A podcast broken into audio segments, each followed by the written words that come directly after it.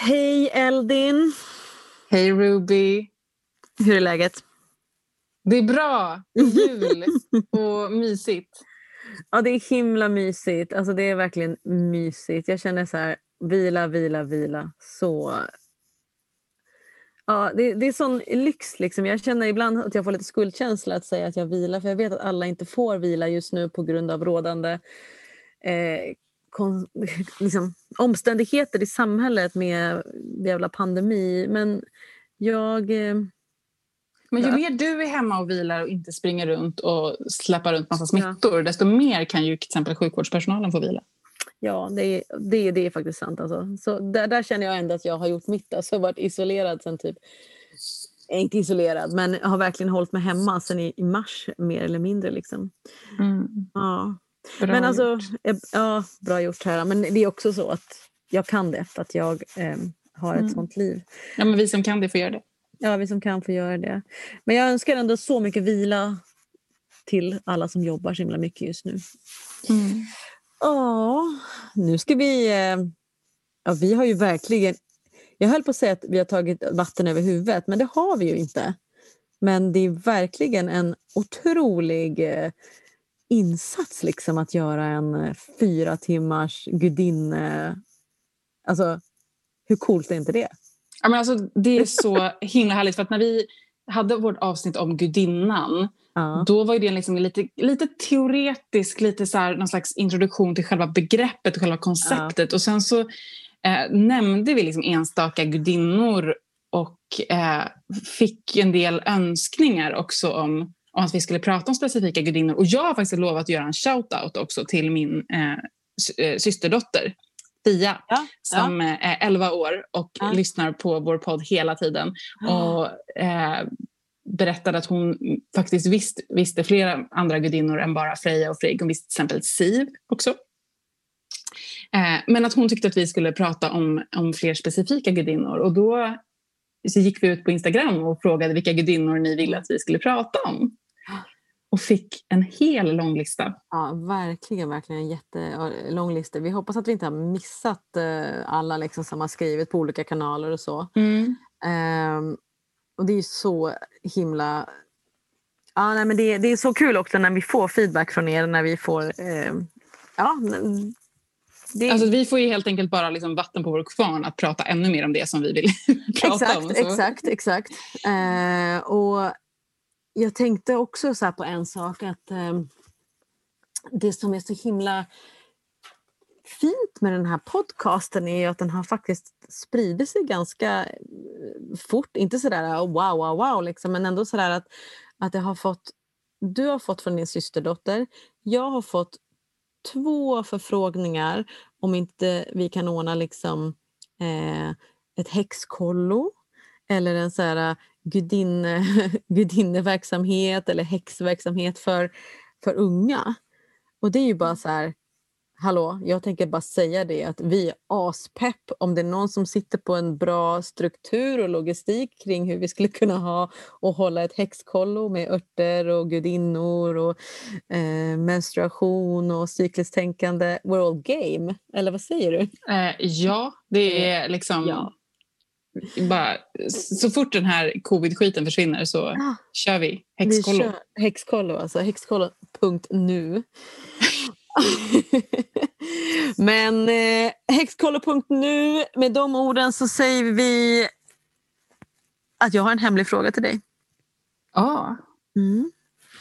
Okej, okay. du tänkte inte på det, eller hur? Men jag har faktiskt me. Nej, det var jag inte beredd på. Nej. Jag fick lite trickster-energi i mig. Jag undrar om du har någon favoritgud? Alltså inte gudinna, utan gud? Nej, exakt. Oj, vad lurigt. Här har jag suttit och, och, och researchat gudinnor så mycket. Uh, ja, men det är ju det är den enögde, det är Oden. Ja. Som jag har uh, en hel del, som jag hänger en hel del med. Mm. har gjort länge. Men gud, nu känner jag nu kommer en massa fler som kommer och bara, hallå jag då? får man bara säga en? Nej, du får säga fler. Det jag har ju till med, jag har, alltså Oden är, älskar jag, alltså queer och han är så magisk och härlig. Och sen så har jag Frej på mitt altare. För att han kom i en dröm till mig och jag bara, alltså han var så superblond och hunkig i den där drömmen. Och jag bara kände att det var så här, det var inte vad jag liksom hade tänkt ut själv att, det skulle, så här, att jag skulle hålla på med. Men han ska, han ska vara med så då kände jag att det är en jättebra utmaning för mina, mina liksom, Mm. så här, vad jag har för eh, fördomar om saker. Så Frej får vara med. Vad ja, härligt. du då? Ja, men Loke, Mm. Trickster energy, ta- talking about it. talking about it. Ja, nej, men alltså han, eh, eller hen, kom till mig och på något sätt så här, eh, det här är det du gör. Du, du, du är mig. nej, men inte riktigt så. Mm, det kan jag verkligen se. Ja, nej men alltså, det, det, det, för mig är det omöjligt att inte vara den som är den som ställer frågor men också den som kan busa till det och försöka liksom så här... Ja, men jag kan tycka att Loke kanske han är lite väl... Liksom, jag vet inte om, också om han är felskriven i, i historierna för han är alltid så himla... Liksom, busen blir ofta så väldigt elaka hela tiden. Eh, så det är inte det jag liksom... Jag, inte, jag håller inte på med det. Men det- alltså, det är ju verkligen inte bara det. Alltså, det är ju vissa saker som också är, blir skitbra tack vare Loke. Liksom. Alltså så här, Ja. Sleipner blir till. Och, Sleipner blir till, men han, också, han har, han har någon, någon aspekt i sig som är väldigt också, jag tycker han är väldigt queer. Uh, men sen jag gillar, jag gillar Loke och jag gillar också väldigt mycket eh, Oden. Mm. Och han, han har jag varit lite rädd för. mm. Och jag vet inte om det är någon så här uh, father complex, men jag har nästan inte känt mig värdig ett tag. Tills jag liksom förstod att, att det handlar inte om det liksom, på något sätt. Så att, ha- han, är, han är så trygg Mm. och vis. Eh, och någon som man verkligen skulle kunna vilja åka på en roadtrip med. Mm. Om möjligt. Liksom. Mm. Mm. Men vi ska inte prata om gudar den här Nej, de här- nej. två timmarna som vi har Nej. framför oss. Så, Vi ska prata om gudinnor på årshjulet. ja. Och eh, vi befinner oss... Eh, vart slutade vi och var befinner vi oss nu? Vi befinner oss i södern.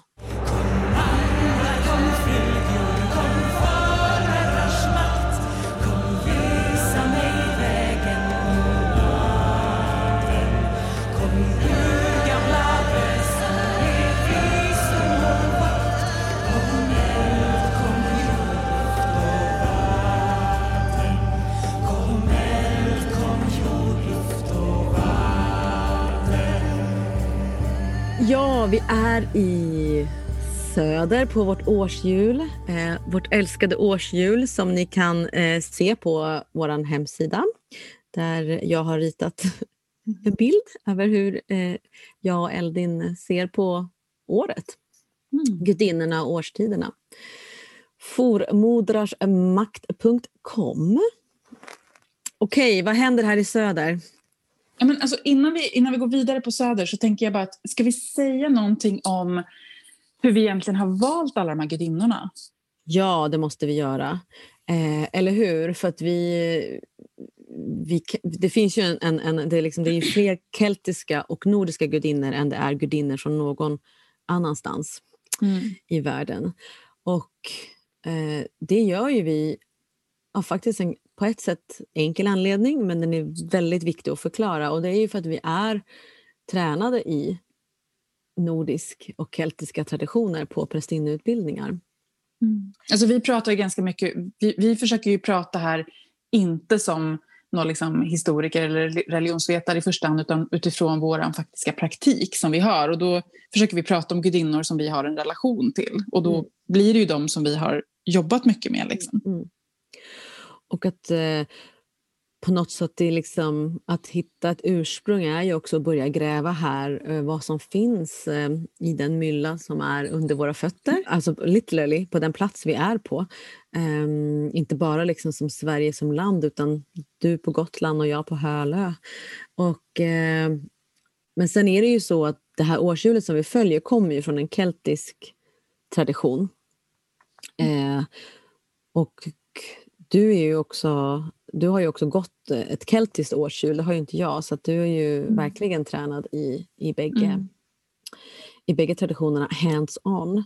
Men... Och jag tänker att det är också viktigt som du säger det här med liksom att gräva där man står, att man också är medveten om liksom att det kan vara problematiskt att liksom bara cherry pick eh, gudinnor från olika traditioner.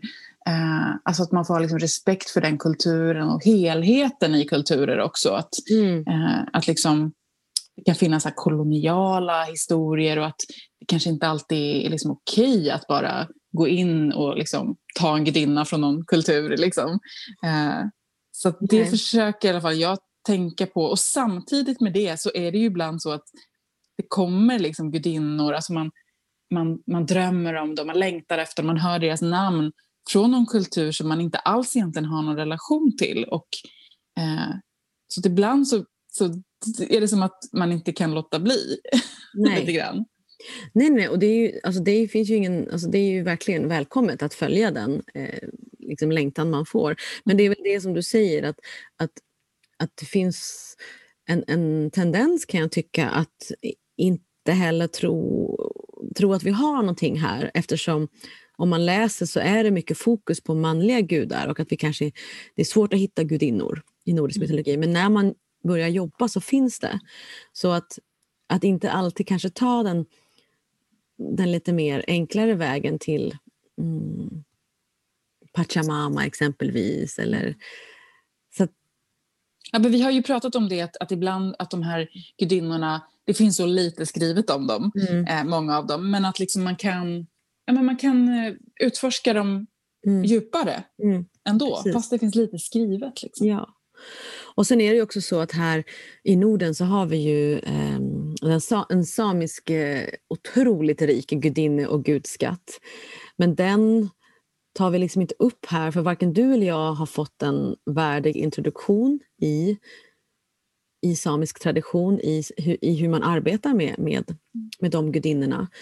Så att vi inte nämner dem är, är av den alltså respekt faktiskt, för att vi inte riktigt vet eh, vad vi pratar om. Vi kan, vi kan nämna dem så som vi nämner kanske eh, Afrodite eller, eller eh, Venus för att vi har lite information om dem och gärna berättar om dem men vi har liksom inte jobbat med dem så det därför tar vi inte upp dem på det sättet, i den aspekten. Mm. Nej, det är, inte, det är inte vår berättelse att berätta utan den, den, eh, platsen lämnar vi gärna till någon annan och vi kanske kan bjuda in någon gäst någon gång till podden. Alltså, LDND är en så bra idé för att jag har velat veta mer om akkorna så länge jag... Jag, blev, faktiskt, jag fick ett möte med en av dem när jag var väldigt ung eh, och eh, sen dess har jag tänkt att gud, vad, vad, är de? Vad är, hjälp mig! Mm. så ja, nu när vi har den här podcasten så, så kan vi ju göra det äntligen. Vi kan få passa på att lära oss allt som vi vill veta också. Ja, och gud, ja. Okej. Okay. Eh, tack för den eh, nyårsgåvan.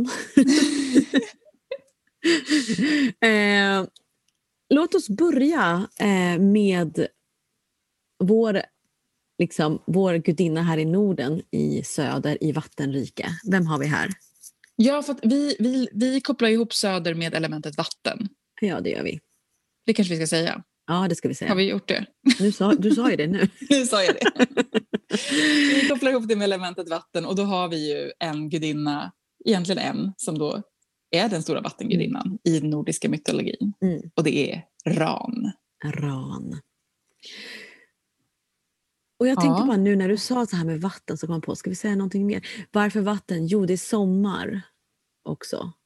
Det är också mm. så här äh, sommarsolståndet och vatten kopplas också väldigt ihop, mycket ihop med hjärtat och känslolivet och liksom expansion i, i känslolivet.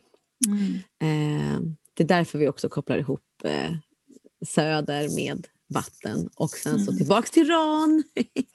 ja, men alltså, och vattnet handlar ju väldigt mycket om eh, eh, djupen, expansion. Alltså det är liksom är ett flöde, precis som det liksom är, hela naturen är i ett stort flöde vid sommarsolståndet liksom, och, och expanderar i, i alltså all kraft är på topp. Liksom. Mm. Och vattnet är det här, liksom, särskilt med ran då, som är väldigt kopplat till havet just, är liksom, ja, men det är det här, det bara expanderar, det är bara så stort, det är så djupt. Um, och, och ran är ju för mig en gudinna som liknar lite grann den här mytologin kring sjöjungfrur och sirener. Mm. Uh, hon har ju liksom en, en man, en make också i mytologin som heter Ägir, havets gud, men han är mycket mer så här han hänger på havets botten i sitt typ gyllene slott. Liksom. Medans, men det är mer, mer Ran som har kontakt med människorna. För det är mm. hon som liksom, med sitt nät fångar in mm. folk, kan dra ner dem i djupen. Liksom. Eh, och att hon, ja, men hon har ju dödsrike. Yeah. Eh, så det är någonting liksom lite skrämmande med henne. Så hon, hon verkligen... Hon, hon kommer med de här djupen och den här liksom dragningskraften. Hon kommer ju med det och det är det som också är så, och det är väl det läskigaste vi kan göra, att stå i våra känslor. Och liksom stå, mm. stå och bara det här är min känsla. Liksom. Eh, fullt ut. Liksom. Eh. För vattenelementet är ju väldigt förknippat med känslor. Liksom. Ja, precis. Och, när, och att, att, att att i myten då att hon är den där dödsbringaren, det kan ju kännas som man ska dö när man verkligen liksom är sann mot sig själv och står i en känsla och berättar någonting mm. eh, och, känner, och bara känner eh, utan att mm. agera. Sen så är det ju verkligen så att visst, hon kan vara en dödsbringare och dra ner en till djupet, men hon kan ju också vara den som drar ner en till djupet för att visa alla skatter som finns. Ja, men precis. Ehm, att att liksom överlämna sig till havet eh, behöver inte betyda den kroppsliga döden. Nej. Nej. Jag, tänker, jag tänker på henne, liksom, eh, man pratar om sjörå också. Apropå, mm. Vi pratade om rån i tidigare avsnitt. Mm. Skogsrå, sjörå. Och att liksom, det ofta finns de här myterna av att de här rådarna eh, ja, men, drar en in i döden eller liksom bort från den här världen. Mm. Men jag tror vi pratade även då om att man kan se det som en initiering. Att, att det är snarare en initiering till en visdom och att mm. döden är symbolisk. Mm. mm.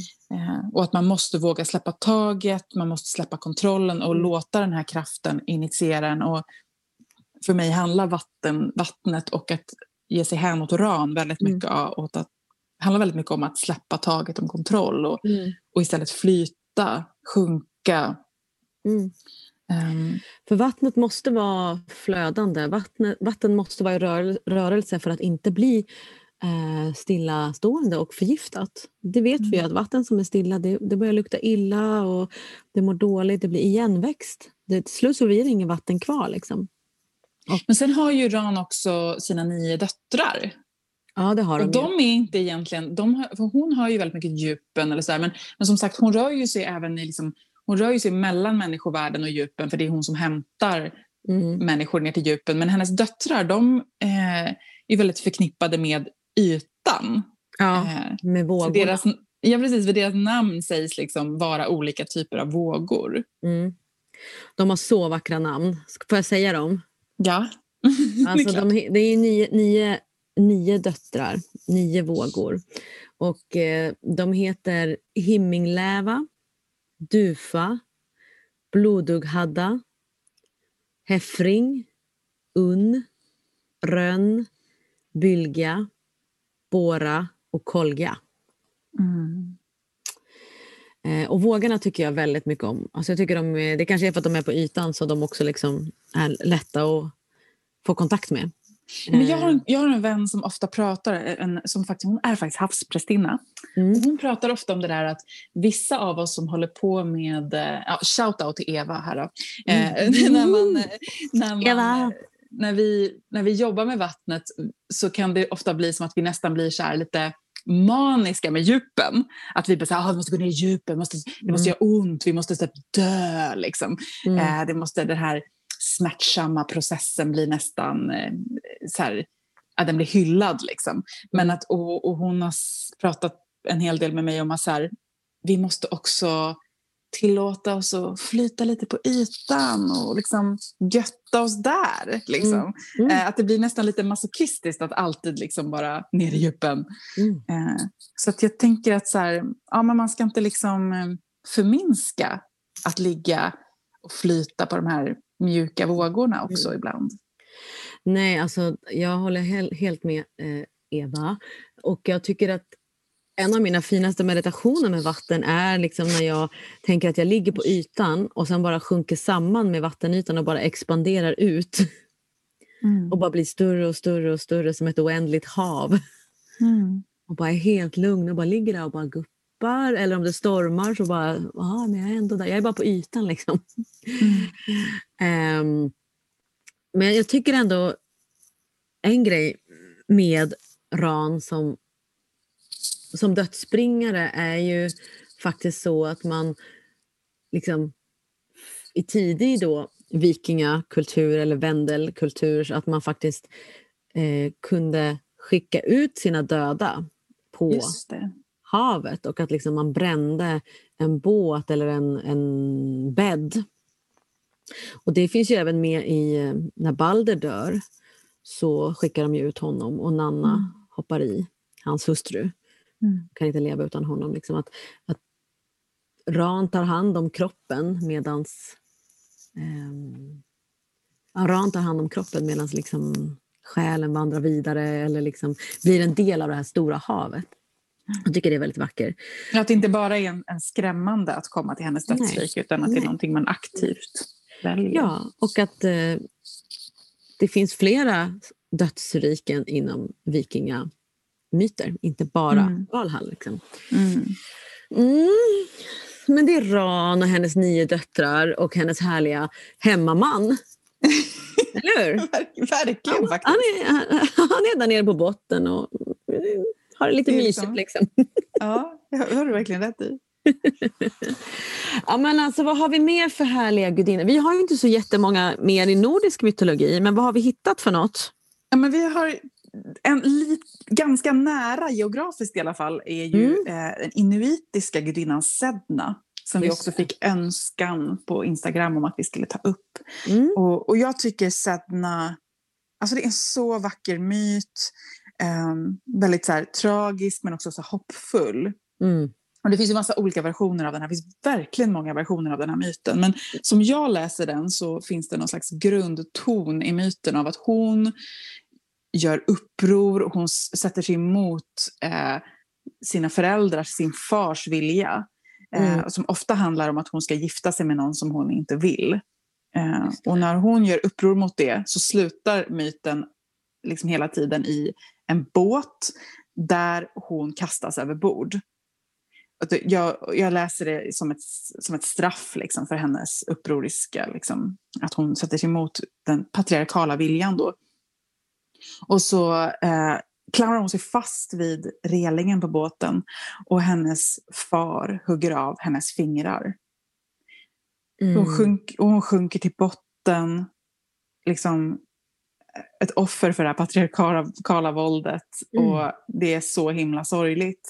Hennes egen far men där på botten så förvandlas hennes då avhuggna fingerstumpar till havsdjur. De växer ut på hennes händer och ger henne nya händer. Och hon blir djupens härskarinna, djupens gudinna. Som sen mm. människor liksom offrar till för jaktlycka och för, för liksom den otroligt viktiga... Liksom det är hon som ger mat på borden, det är hon som ger näring liksom, till människorna. Mm. Um, så himla vacker den här myten alltså. Ja, och sen så också det här som jag har hört att när det då jaktlyckan eh, vänder det, liksom det, det inte blir någon jaktlycka så, så måste shamanen resa till djupen, mm. till Sedna och liksom vädja till henne att, att ge tillbaka havsdjuren som hon har liksom då fångat hos sig. Och så måste han kamma, eller hon, shamanen, hon, hen, han, måste kamma Sednas hår som en slags vädjan till henne att oh. släppa taget om havsdjuren. Mm. Så det är liksom, hon behöver den här omtanken. Mm. Jag tycker den är så fin. Och jag har också läst att hon äm, gifter sig med en hund. Och att den här hunden, ja, att den hunden blir liksom dels hennes beskyddare och hunden hjälper henne att komma liksom på fötter. Och hennes pappa blir jätteupprörd igen. Och när jag läste det så kände jag bara så att hon så här, ah, men jag tänker gifta mig med vem som helst och eh, mm. det är en hund. och hon är väldigt också så här, nära liksom djurriket. Att ja. djurriket finns där för henne när människoriket ja. sviker. Liksom. Ja. Så himla, så himla fin. Ja, den, är, den är verkligen... Mm. Men den är verkligen, och den är verkligen ett, en historia om ja, så patriarkalt våld, att vara ett ja. offer men att få tillbaka sin agens och sin liksom, kraft, eh, hopp. Ja. Liksom. Ja. Wow, alltså. Mm. Mm, mm, mm, mm. Vad heter det? Alltså, jag tänker att det finns en keltisk gudinna här också. Kan du någonting om henne? Jag bara kom på det nu. Sulis. Ja! Eller hur? Ja, men, jag, jo, jag kan lite om henne. Vi har inte skrivit upp det och förlåt att Nej. jag bara så här, caught you here men Nej, jag bara kom på det nu att vi kanske glömde det. ja men jag gillar Sulis. Jag har inte ja. jobbat jättemycket med henne men lite. Mm. Eh, alltså hon har ju dyrkats väldigt mycket i bas eh, mm. vet jag. Mm. Och jag har, alltså jag har bara åkt igenom bas varje gång jag åkt till Glastonbury och varje gång så vill jag bara så här, oh, jag vill hoppa av och hänga lite i bas. Mm.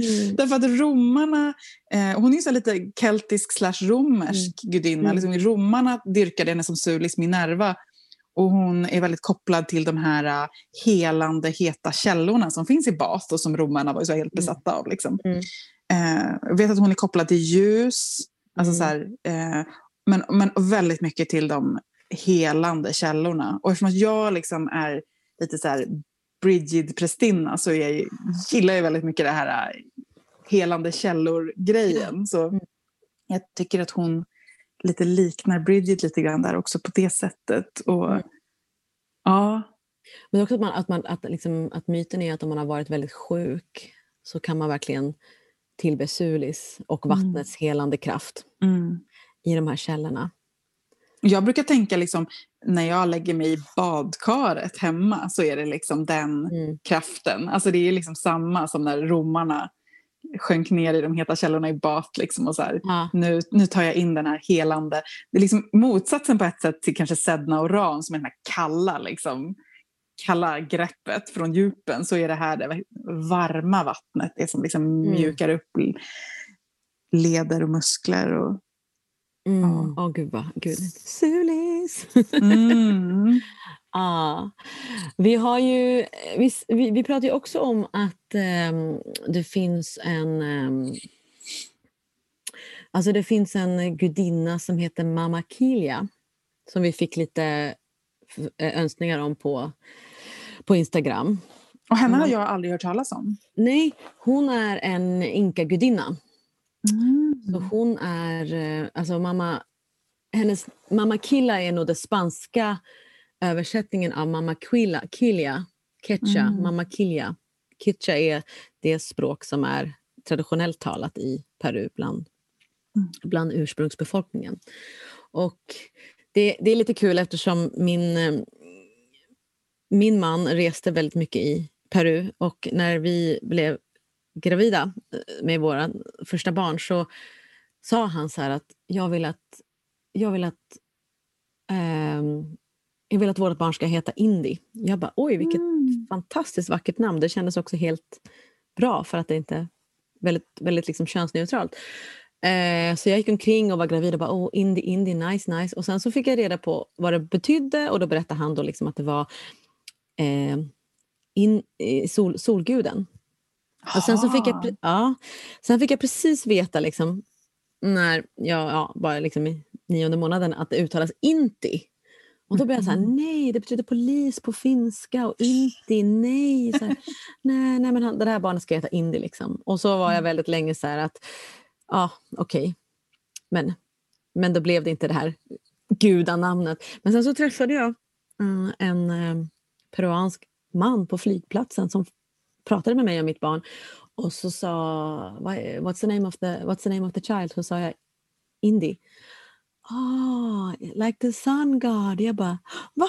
är det sant? Jag bara, ja, ja, ja, man kan säga Indi, Inti. Mm. Och varför jag berättar det här är ju då för att ehm,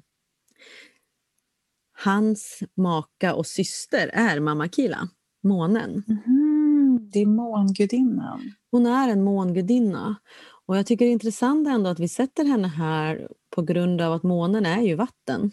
Ja, väldigt förknippat med vattenelementet. Ja. Eh, väldigt förknippat med vatten och hon är väldigt också lik en annan gudinna vi har pratat om. För hon porträtteras som en silverskiva med gråtande tårar. Silver. Mm. Som Ehrenrod.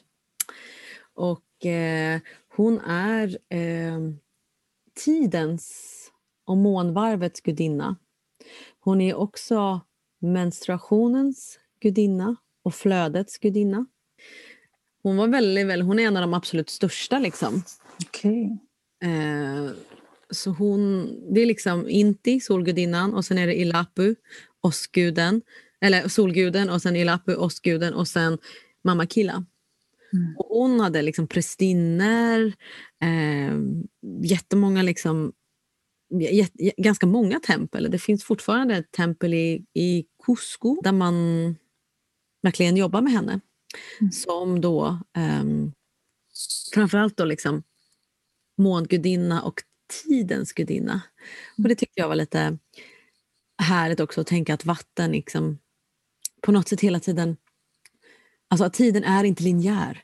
Nej, men precis. Månen är ju den liksom Ja. ultimata symbolen för det cykliska.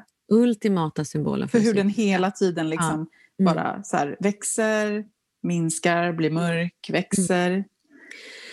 det, det, det, det finns en stor myt om att hon, när då det var en, so, en månförmörkelse så var det för att hon antingen blev attackerad av ett djur. Då så sägs det att, att man försöker skrämma bort det här djuret. Utifrån det så gör man mycket, gör man mycket oväsen.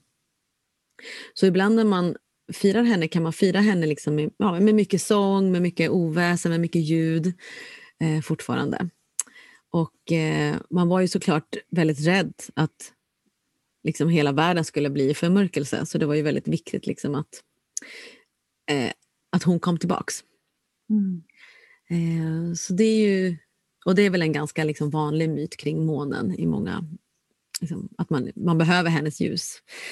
Eh, men lite kul också är att hon har använts modernt eh, modern i modern feminism och även då eh, traditionellt som är hon den liksom, eh, kvinno, en försvarare av kvinnor och kvinnors rättigheter och kvinnors behov.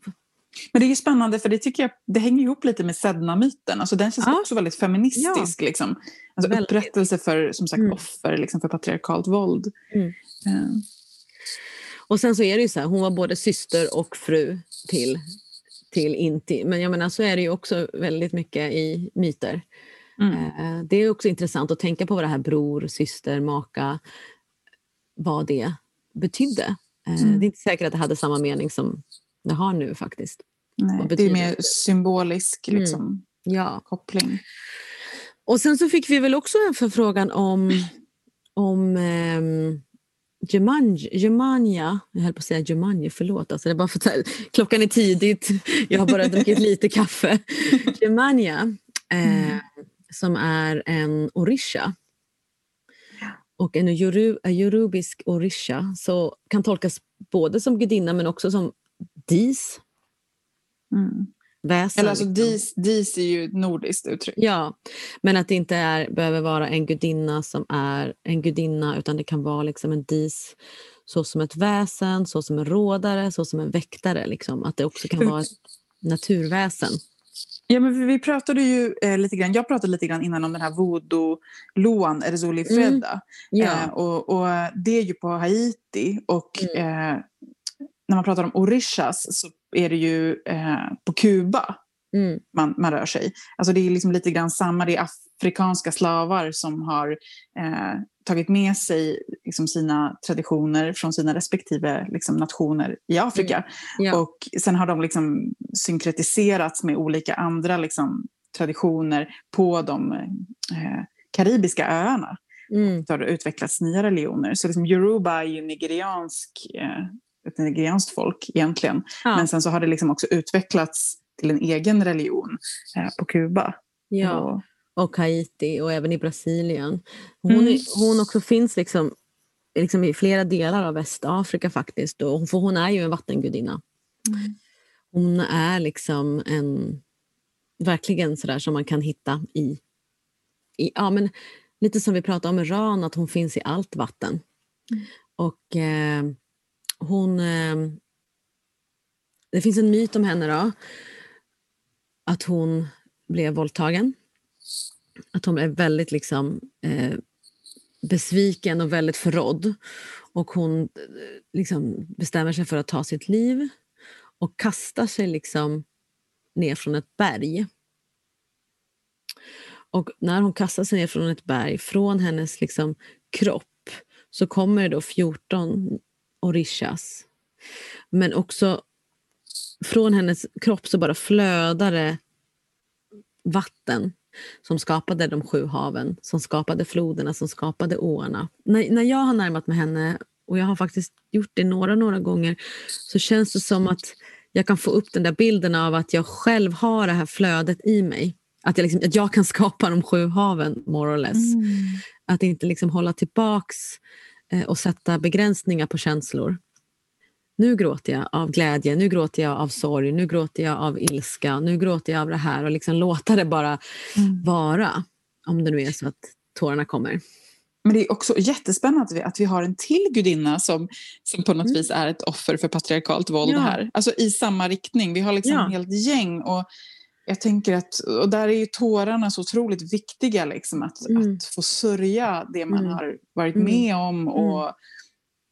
Men också liksom att det mm. från den sorgen kan, kan komma någonting, ett helande. Liksom och, och... Det är som att de här gudinnorna vet om det för att hon ses ju också som en gudinna som eh, eh är menstruationen, fertiliteten eh, och liksom skapandets gudinna. Och hon är en jättestark eh, beskyddare av kvinnor.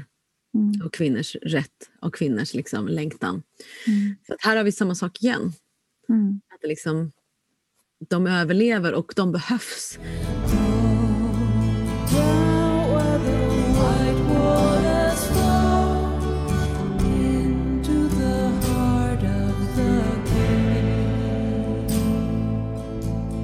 Sydväst är vi nu.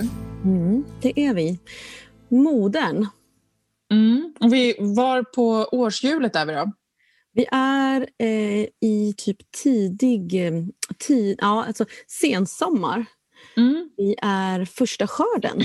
Ja, det är de här gyllene åkrarnas tid. Ah, verkligen, alltså den här varma, varma sommarluften och eh, verkligen dignande fält. Alltså där det, bara, mm.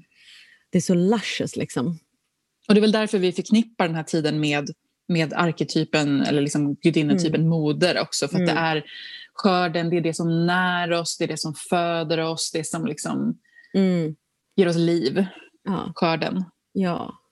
Och att eh, på liksom att, att vi börjar också från då att vi tänker att vi har varit eh, jobbat här liksom hela året, att vi nu har varit i den här liksom, som vi pratade om alldeles nyss med vattnet och sommar och expansion. Du vet.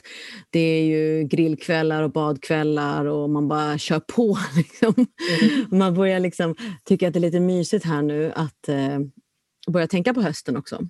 Mm. Um, och framförallt så är det ju superviktigt här nu att, att när man jobbar med moder, moderaspekten av gudinnan att se till skörden.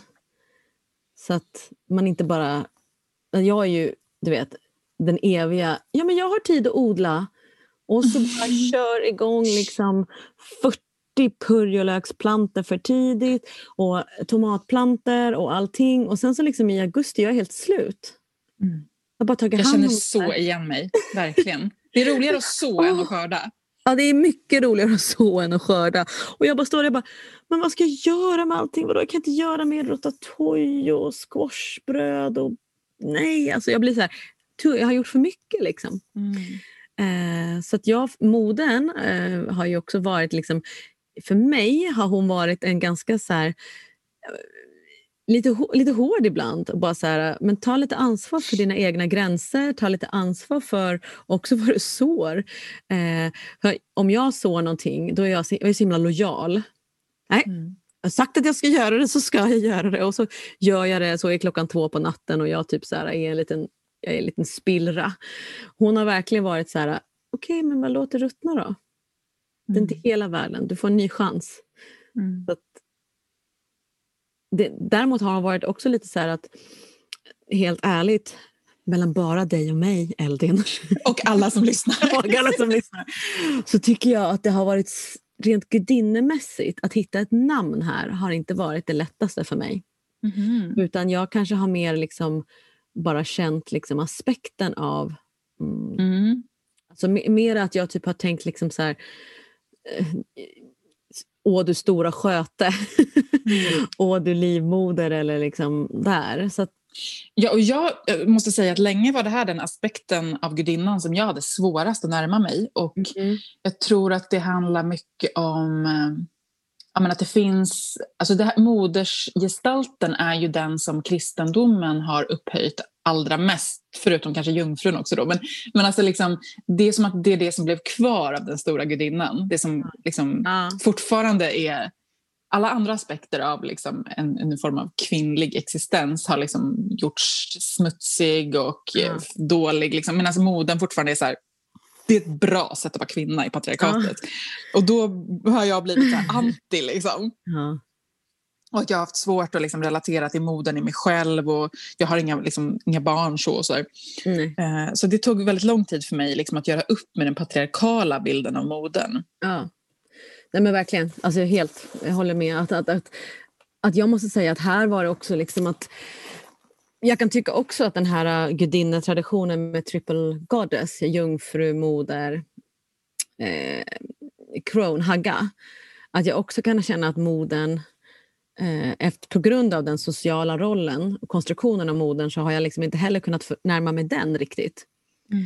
Men jag har också förstått liksom att i den här modersaspekten så är det ju också eh, allt. Eh, att, att också kunna vara vara det som de andra är. Liksom krigarinna, älskarinna. Det är inte bara det här eh, modersaspekten, ta hand om och... och Nej.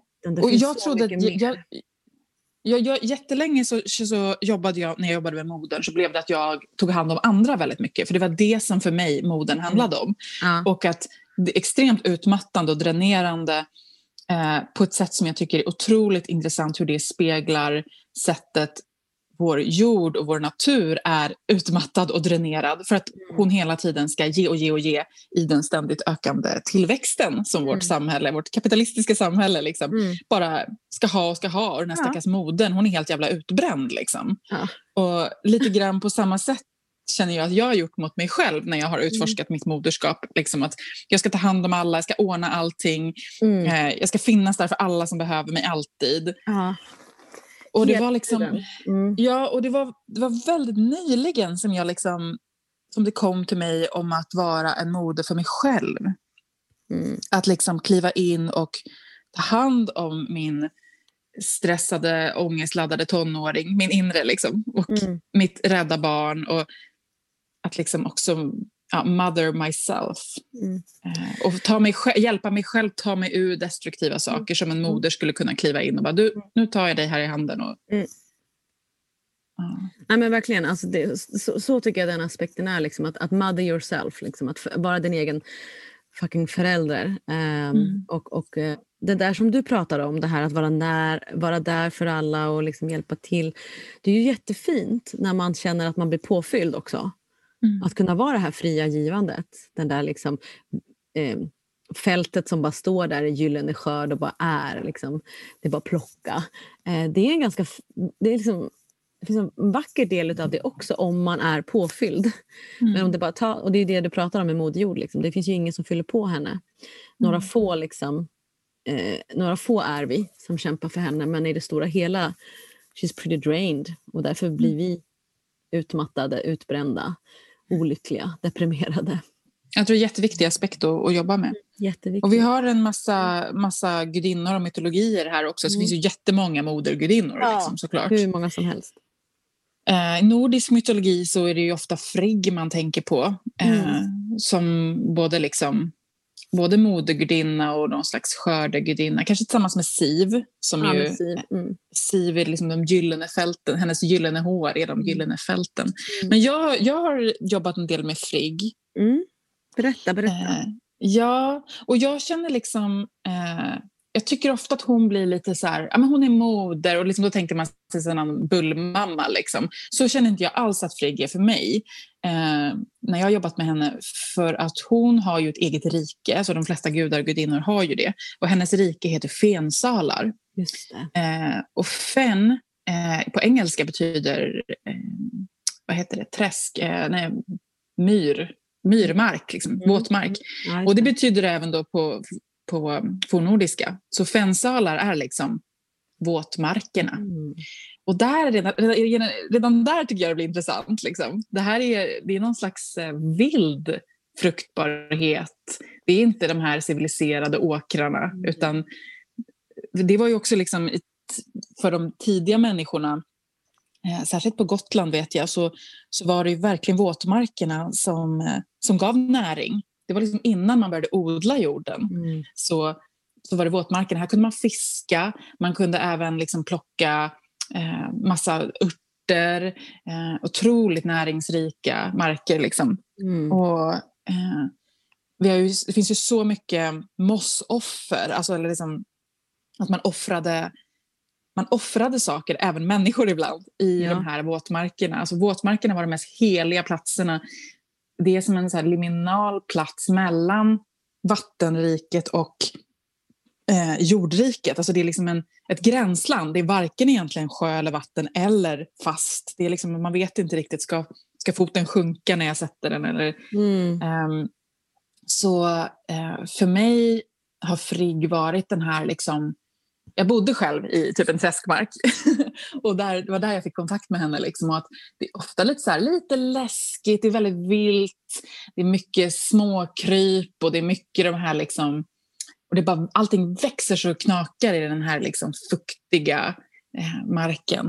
Eh, och, och den sortens kraft, liksom, den här väldigt vilda växtligheten.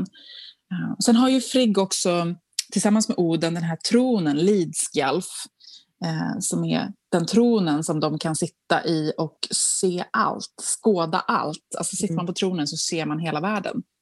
Alltså jag måste bara flika in här att fit, Ja, fitta betyder Ja. ju också våt ängsmark. ja men precis.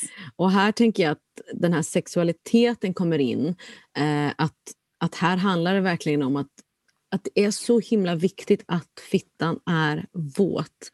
Att hon tar liksom emot, att, att, att det på riktigt kan vara så så pass mycket näring och så pass mycket våthet i att när hon verkligen öppnar sig och säger jag längtar efter vad den nu längtar efter och det är då som sex, penetrerande omslutande sex är viktigt att det sker då för att annars har vi otroligt mycket problem med underlivet.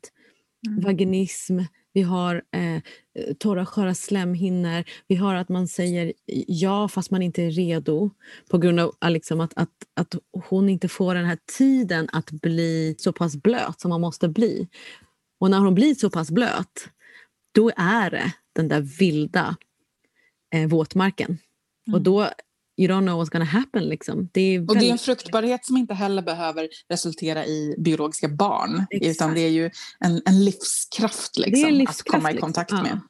Och det här är ju så här, verkligen någonting som jag har mött så himla mycket de senaste åren när jag har jobbat så pass mycket med eh, kvinnor och de här frågorna. Att så här, wow, okej. Det är så... Den där våtheten alltså. Eh, man kan ju ha annan sex men när vi pratar om att liksom inte, inte få några biverkningar helt enkelt. Bara sköra slemhinnor så är liksom this wetlands är så himla essentiell. Och där tänker jag att det är lättare liksom, ju äldre man blir att kunna sätta de här gränserna och också säga vad man behöver och vad man vill. Så där kommer ju moden in som en guidning Just också. det. Mm. Ja, en jättefin initierare till, Ja. till liksom... Hälsosam sex. Mm. Mm. Hon, jag tänker också att Frigg... Eh, det finns ju i vissa böcker som om man läser så att hon också är en aspekt av Freja. Mm. Men, men jag tycker att jag har läst om Frigg. eh, Att det känns ofta som att det är typ Loke, ofta Loke, men ibland kanske också Tor som typ vill sätta henne lite på plats. Och typ Mm. så här, jaha men nu ligger du, då, ligger du samman med honom när du har legat med hans bror? Och hon är bara så här, ja. och återigen här liksom att, eh, jag tror att det var i Britt-Marie Näsströms bok eh, Forn skandinavisk religion, att så det är så kul också för att den boken är väldigt, liksom, hon är väldigt fakta, fakta. Men att hon där nämner att just friggar kan man också läsa som en, eh, en passage. Liksom, att hon, hon, hon kan ha varit från en tidigare en tidigare liksom kultur där det faktiskt var mer okej att leva så som hon representerar. Mm. Att hon har fått liksom hänga kvar. Eh, att, att moderskapet inte är eh, monogamt Mm. med en, en fadersgestalt och så vidare. Det tycker jag är jätteintressant. Mm. Eh, att- Och det är spännande att se på modern som, som mer en, en, ja, men en initierare. Vi pratar ju också om, om den här aspekten som eh, eh, ja, midwife, m- barnmorska. Så det, är, det är liksom på ett sätt en, en, en äldre visare person som, som liksom kan initiera de yngre. ja. Så det är inte liksom en person som bara är liksom moder som i att nu har den personen helt själv övergivit sin sexualitet och Mm. sin eget, absolut inte utan snarare så här, nått en nivå av visdom så att den kan initiera andra. Liksom. ja, verkligen alltså.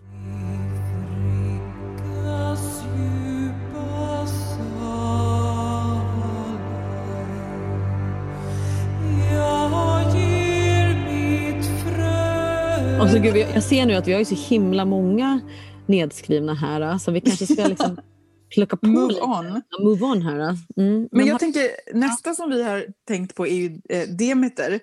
Alltså Demeter är ju också skördens gudinna. Hon är liksom verkligen så här växtlighetens... Det är hon som när folket. För att när hennes dotter Persefone dras ner i underjorden så slutar Demeter att nära folket. Hon sörjer sin dotter och eh, slutar liksom producera den här livsnödvändiga födan. Eh, och, och hennes kult var extremt viktig i det antika Grekland och kallades då de Elusinska mysterierna. Eh, och det var liksom ett mysterium som handlade just om den här liksom cykliska, det cykliska och jag tänker också att, att hon är en initieringsgudinna för att det handlar om hur Persefone, liksom, hennes dotter, måste ner i underjorden och sen återvända. Att det liksom Mm. är en, igen en, en rep- representation för, för in- initiering av den unga. Liksom. Mm. Ja, men på något sätt sorgen över barnet som förs för- liksom försvinner, den här delen av hennes själv. Men Mm. också så att, ehm, att vad som händer om vi liksom inte... Alltså om du inte ger, om vi tänker rent faktiskt så här, om man inte ger moden plats och näring. Exempelvis, tänk, ta liksom 50-talets hemmafrus ideal. Kvinnor liksom gick under. Virginia Woolf har skrivit väldigt mycket om det. Men att man gick under av boredom. Det var så tråkigt. Och bara vara den där. Alltså det kanske passade väldigt få. När, man inte ger näring till moderskapet. Mm. Tänker det, då, då dör Då allt. slutar fälten Ja. att blomma. Ja, precis. Ehm, och ehm, Jag tror att det är så himla viktigt liksom, att, att, att, att tänka att, att, att, att eh, man behöver verkligen se efter. Mm. Se efter moden i sig, se efter moden i andra. Så eh, hon får tillbaka sin dotter, eller hur? Ja, det är inte bara att hon får tillbaka utan det är hon som, hon som kämpar för att få tillbaka Persefone. Ja. Eh, och, så där tänker jag igen att det handlar om att eh, både ta hand om sin inre moder men också att vara Ja. moder åt sin inre, sitt inre yngre själv. Ja. Ens inre liksom, del som kanske dras ner i underjorden ibland. Eh. Och det dödsriket. Och att, att, att då vara den här som kämpar för sig själv så som Dem- Demeter kämpar för Perse- Persefone. Liksom. Mm. Eh, och ta hand om de delarna av en själv som ibland hamnar i underjorden.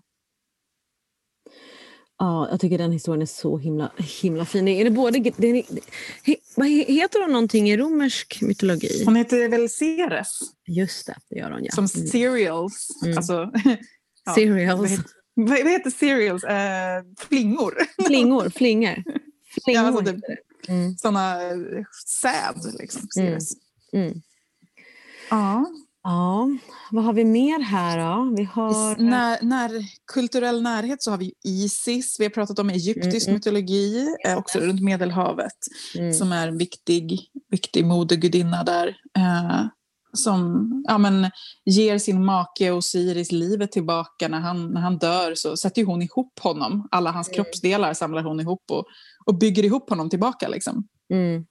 Eh, hon, hon betraktas ju som rikets moder också i det liksom, egyptiska traditionen. Så är hon liksom moder både till sin son Horus och till, till hela riket. Liksom. Mm. Och hon är väl också, alltså, är inte hon så här, egentligen...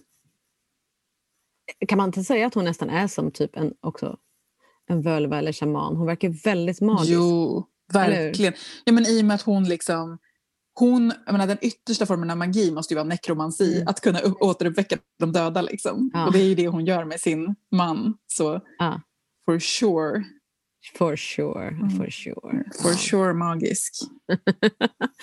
Ja, hon är väldigt... Alltså, jag, jag, henne är jag väldigt nyfiken på. Jag har dragit henne i många gudinnekort på sista tiden. Jag vet inte om det är så att det är dags att närma mig. Hon känns så Mm. mäktig bara. Jag känner mig så liten när jag tänker på Isis. Ja, med de här vingarna som hon ofta avbildas med. Liksom. Alltså hon Ja. verkligen, så här, verkligen drottninglik. Jag har också Mm. läst att de där vingarna är som en slags beskydd, att hon kan liksom svepa de vingarna om, om dem hon skyddar. Wow. Och på tal om beskydd, alltså för det Mm. tänker jag också nästa gudinna som jag ville prata om, nu babblar jag på här, jag bara Ja, jag gudinna hit och dit. Jag kan babbla Eh, sen. Det är liksom en, en till eh, haitisk gudinna, en till voodoo-gudinna, eh, Mm. som också tillhör den här gruppen eh, Erzuli. Eh, hon heter Erzuli Danto. Mhm. Eh, och hon är också en sån rikets beskyddare. Eh, så liksom moder, inte bara till liksom enskilda varelser, utan hon är liksom Mm. rikets moder.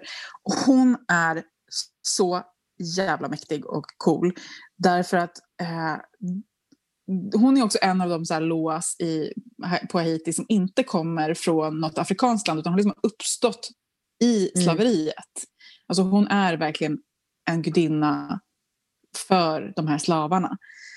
Och hon eh, förknippas väldigt mycket med så här storm och, och liksom jordbävningar. Alltså natur. eh, Hon är verkligen den vilda och ibland destruktiva naturkraften. Och, eh, alltså hon är verkligen inte den här gulliga moden utan hon är en fierce protector of her people. Liksom. Mm. Eh, och när, hon avbildas i, inom voodoo så används ofta liksom, eh, kristna eh, katolska ikoner. Och det var ett sätt, då, eftersom att voodoo var förbjudet, så var det ett sätt att liksom dölja att det var en gudinna man tillbad. Så den bilden som används för att avbilda Erzolidanto är The Black Madonna. Eh, madonnan av Czestochowa, som är en så här, eh, svart madonna från Polen, en, en liksom katolsk bild. Ja, just det. Mm. Eh, det, den används inom voodoo för att avbilda Solidanto och då betraktas Jesusbarnet inte som Jesusbarnet utan som Anais som är Mm. hennes dotter. Mm. Och det är en representant för det haitiska folket. För eh, när slavarna gjorde revolution eh, 1792 tror jag det var, eh, ja det var det, så var det henne de åkallade. En stormig natt i eh, alligatorskogen på Haiti så hade man en ritual, åkallade Ezuli Danto och eh, hon kom med en storm och åska och blixtar och sen satte revolutionen igång som gjorde att slavarna blev fria. Så hon liksom är Wow. moden som... Och så i, på den här bilden, eh, den här svarta madonnan, så har hon också tre stycken rivmärken på kinden. Och det sägs att det kommer från när hon slogs för sina barn i revolutionen. Så. wow. Alltså, Fierce mother ja. goddess. moden som den där krigaren också. Och det, det är ju väldigt liksom... Alltså, om, om man bara tänker då på att ens, en mamma ehm, som krigar för sitt barn. Alltså det är väldigt självklart. Mm. Att man liksom kan dö för sitt barn. Mm. Så det, hon måste Så det är en väldigt viktig aspekt av modern som kanske Ja. också ofta försvinner i Ja. när man tänker moderskap traditionellt. Liksom. Verkligen. Jag läste en jätte en, en roman som berörde mig väldigt djupt. Och förlåt nu jag och mitt fantastiska minne. Men det handlade om eh, Japan och eh, kriget. Eh, ehm, andra, andra världskriget, liksom, drabbningar. Och att en, jag ska verkligen ta reda på vad boken heter. Men det var bara en liten del. Det är precis som när jag pratar om Gabriel Garcia Marquez. Det är så här delar av böcker som jag bara sitter i mig. Och det är en mor som flyr med sina tvillingar. Och De är typ ett och ett halvt år. Och Hon är själv med dem. Och hon liksom flyr eh, fiendesoldater. Och hon liksom förstår att hon, hon kommer inte kunna bära de här barnen. Alltså hon, hon kommer, de kommer dö alla tre. Så hon tar beslutet liksom att lämna dem. Och hon skriver liksom en lapp. Um, och där det står typ så här, uh, hjälp oss. Och sen har hon sytt in liksom de få pengar hon hade i deras barnens kläder. Så lämnar hon de här tvillingarna för att de ska överleva. Mm. För annars kommer alla tre dö. Och det är så himla starkt liksom att hon tar det här beslutet eh, och vandrar vidare. Och i boken då så över, överlever alla. Men att, att, att också att kunna lämna, att veta om att när man inte... När det bästa är att lämna sitt barn också. Mm. En vän till mig som eh, levde med väldigt många år med psykisk ohälsa. Eh, till slut så liksom så- var hon tvungen, hon var tvungen att lämna sitt barn eh, för att hon måste ta hand om sig själv. Hon måste få jättemycket hjälp liksom, för att det blev farligt för barnet fast hon var barnets mamma. Så hon gjorde ett jättestarkt beslut att verkligen liksom lägga in sig själv för jättedjup behandling och barnet fick vara hos andra som älskade henne, barnet såklart. Men att göra det så att hon kunde komma tillbaks. Den här midwife. Otroligt stigmatiserad, Mm.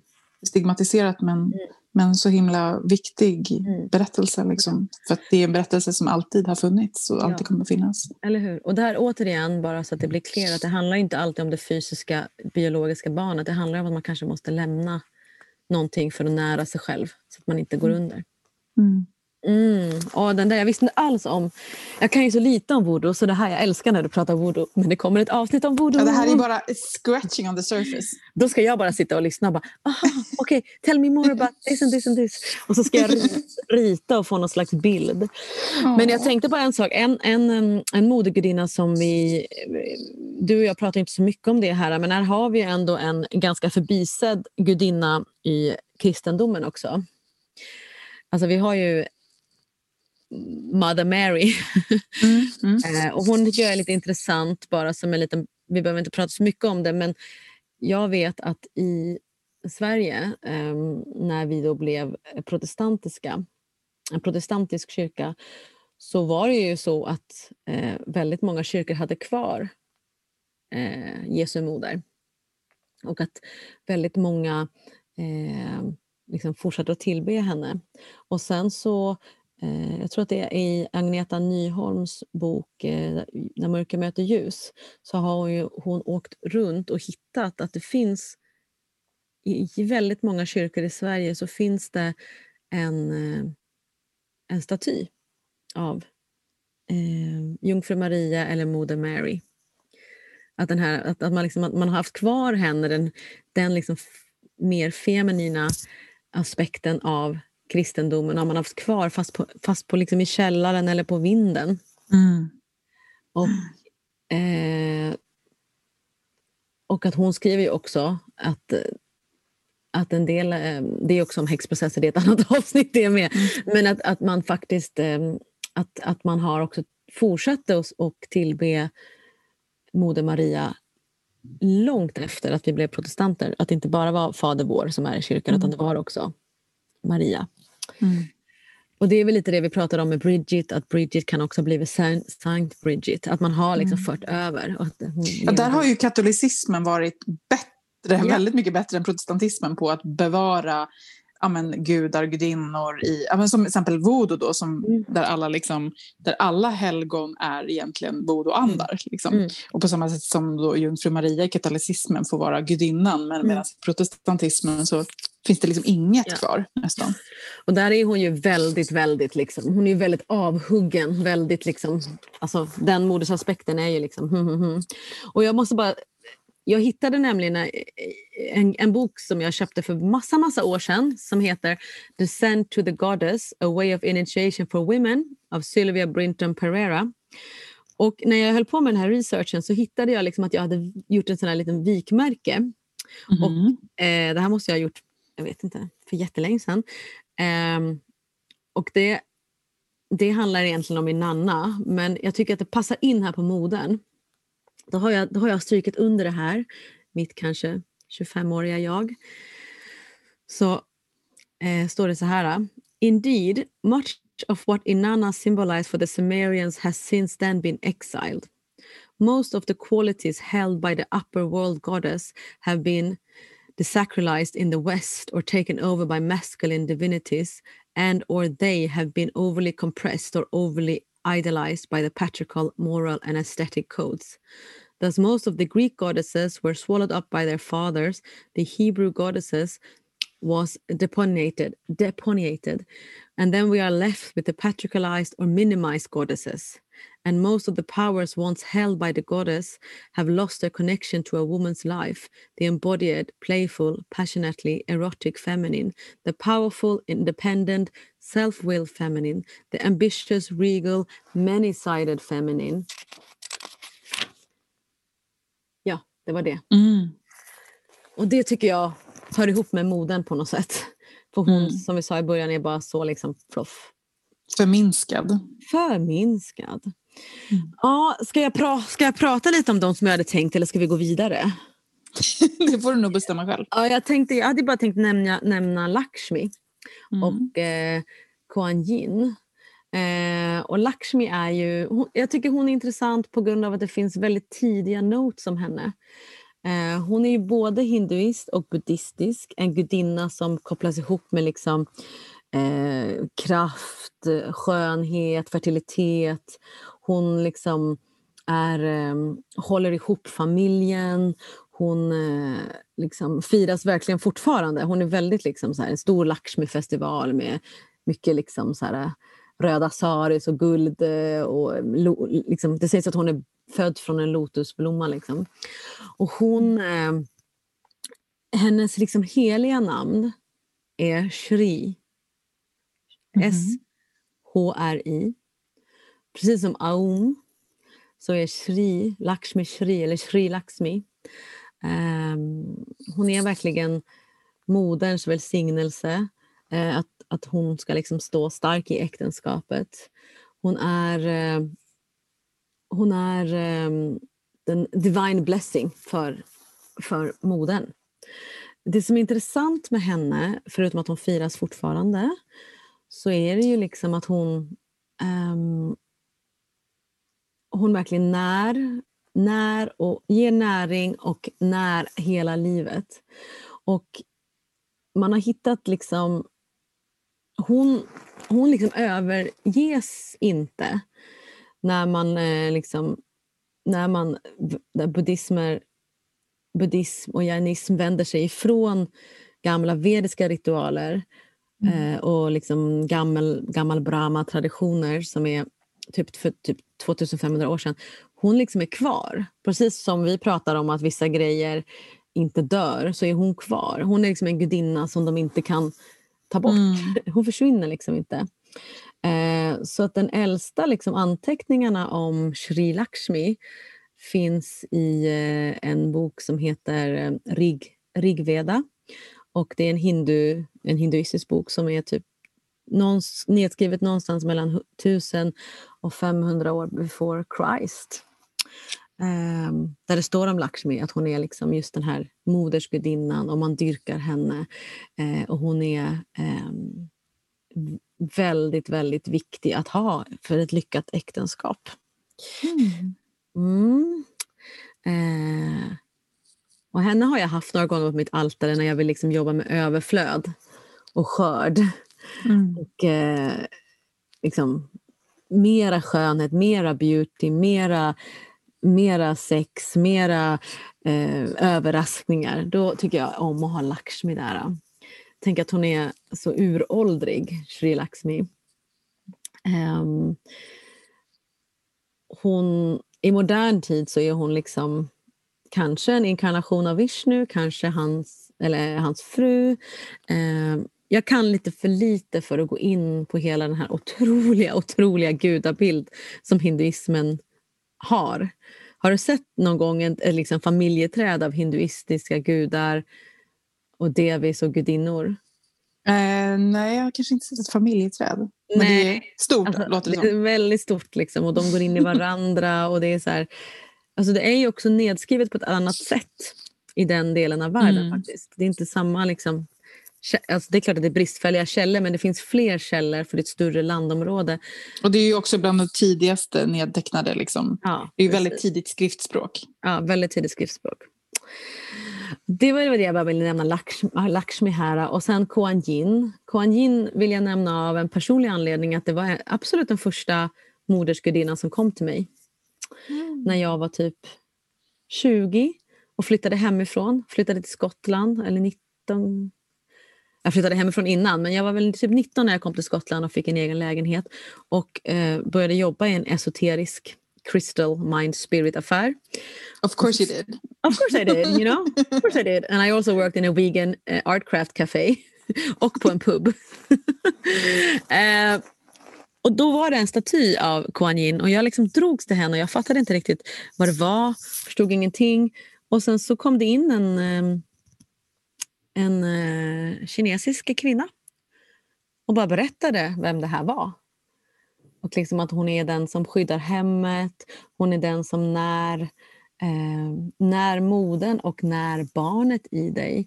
Hon är den som eh, eh, hela tiden ser till liksom att du har compassion och mercy. Just det, hon är, just det, hon är medkänslans Ja. verkligen. Det är hennes Hon stora... är, ja, hon är medkänslans eh, eh, gudinna.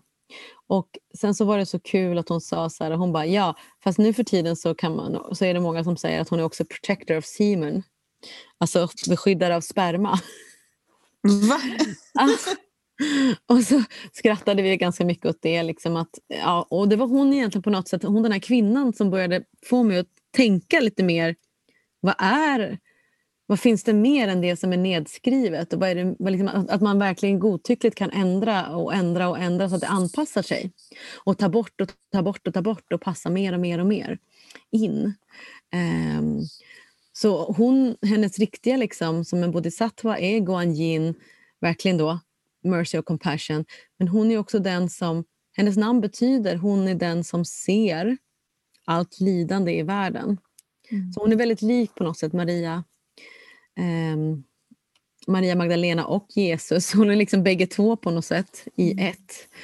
Ehm, Jag tycker det är så spännande också för att många i väst förknippar ju buddhismen med liksom en ateistisk hållning. Mm. Att, att det liksom bara handlar om så här, buddhism är inte en religion, det är en filosofi, det handlar bara om att meditera. Medan i den folkliga buddhismen liksom, i Mm. eh, Asien så är ju det är fullt av bodhisattvor, liksom, gudar och gudinnor, ja. väsen. Liksom. Mm. Att det är en väldigt så här, eh, westernized version av buddhismen som är Mm. utan gudinnor. Liksom. Ja. Ja men det finns väl också, det finns också ehm, en anteckning om att hon, men att hon också är gender eh, neutral, gender free. Mm. Eh, att hon kan ha varit en man innan. Ehm, jag har haft henne i mitt hem. Hon har tappat sitt huvud typ 14 gånger. Jag bara limmar på huvudet, limmar på huvudet, limmar på huvudet. Men nu sist, så, nu sist så tror jag liksom att det kan vara dags för mig att köpa en ny. Alltså, för den är verkligen skadad.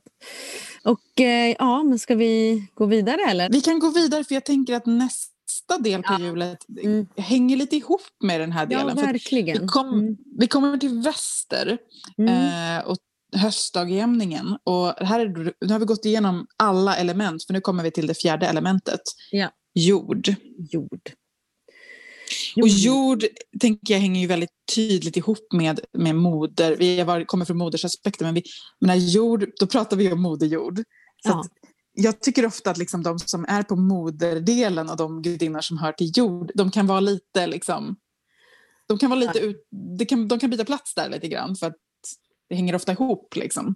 Verkligen, verkligen, verkligen. På något sätt så är ju liksom namnet för oss här i är ju jord också. Den gudinnan, alltså gudinnan jord verkligen, moder jord. jord. Det var exakt det jag skulle säga. Var det det? Nej, Ja. shit alltså. Okej. Mm. Men alltså att, att liksom, eh, jag, när jag kallar på, på gudinnor i den här riktningen, i väster, i, liksom, runt höstdagjämningen, den delen av årshjulet, Mm. så, så kallar jag ofta bara på, på jord. Alltså inte ens som ett namn, utan Nej. på liksom, kraften av jord. Därför att också i den nordiska mytologin så heter ju den här gudinnan också bara jord. Liksom. Och att det räcker. att eh, att det liksom, jag behöv, här, här jobbar jag inte så mycket oftast med, med specifik mytologi utan mer med, med faktiskt själva elementet jord och tänker mig att gudinnan så tydligt är själva elementet jord. Alltså det är inte liksom någonting annat out there utan det är verkligen Mm. bara liksom precis där jag är. Marken under mina fötter, Mm. eh, jorden i min egen kropp. Mm. Liksom. Alltså det, den materiella världen. Eh, att hedra den som gudinna och inte som någonting som i så mycket andlighet och religion, det kroppsliga, det jordliga är något som står under det andliga. Mm. Utan att det är själva materian som är helig här liksom, i, i den här aspekten. Och genom att den är helig är vi heliga. Mm. För att vi är Moder Jord. Alltså det finns återigen ingen separation. Så här tycker jag det blir verkligen den här påminnelsen om eh, för här är vi ju liksom, om man tänker på årshjulet också, att vi är på väg verkligen in. Det är liksom tredje skörden.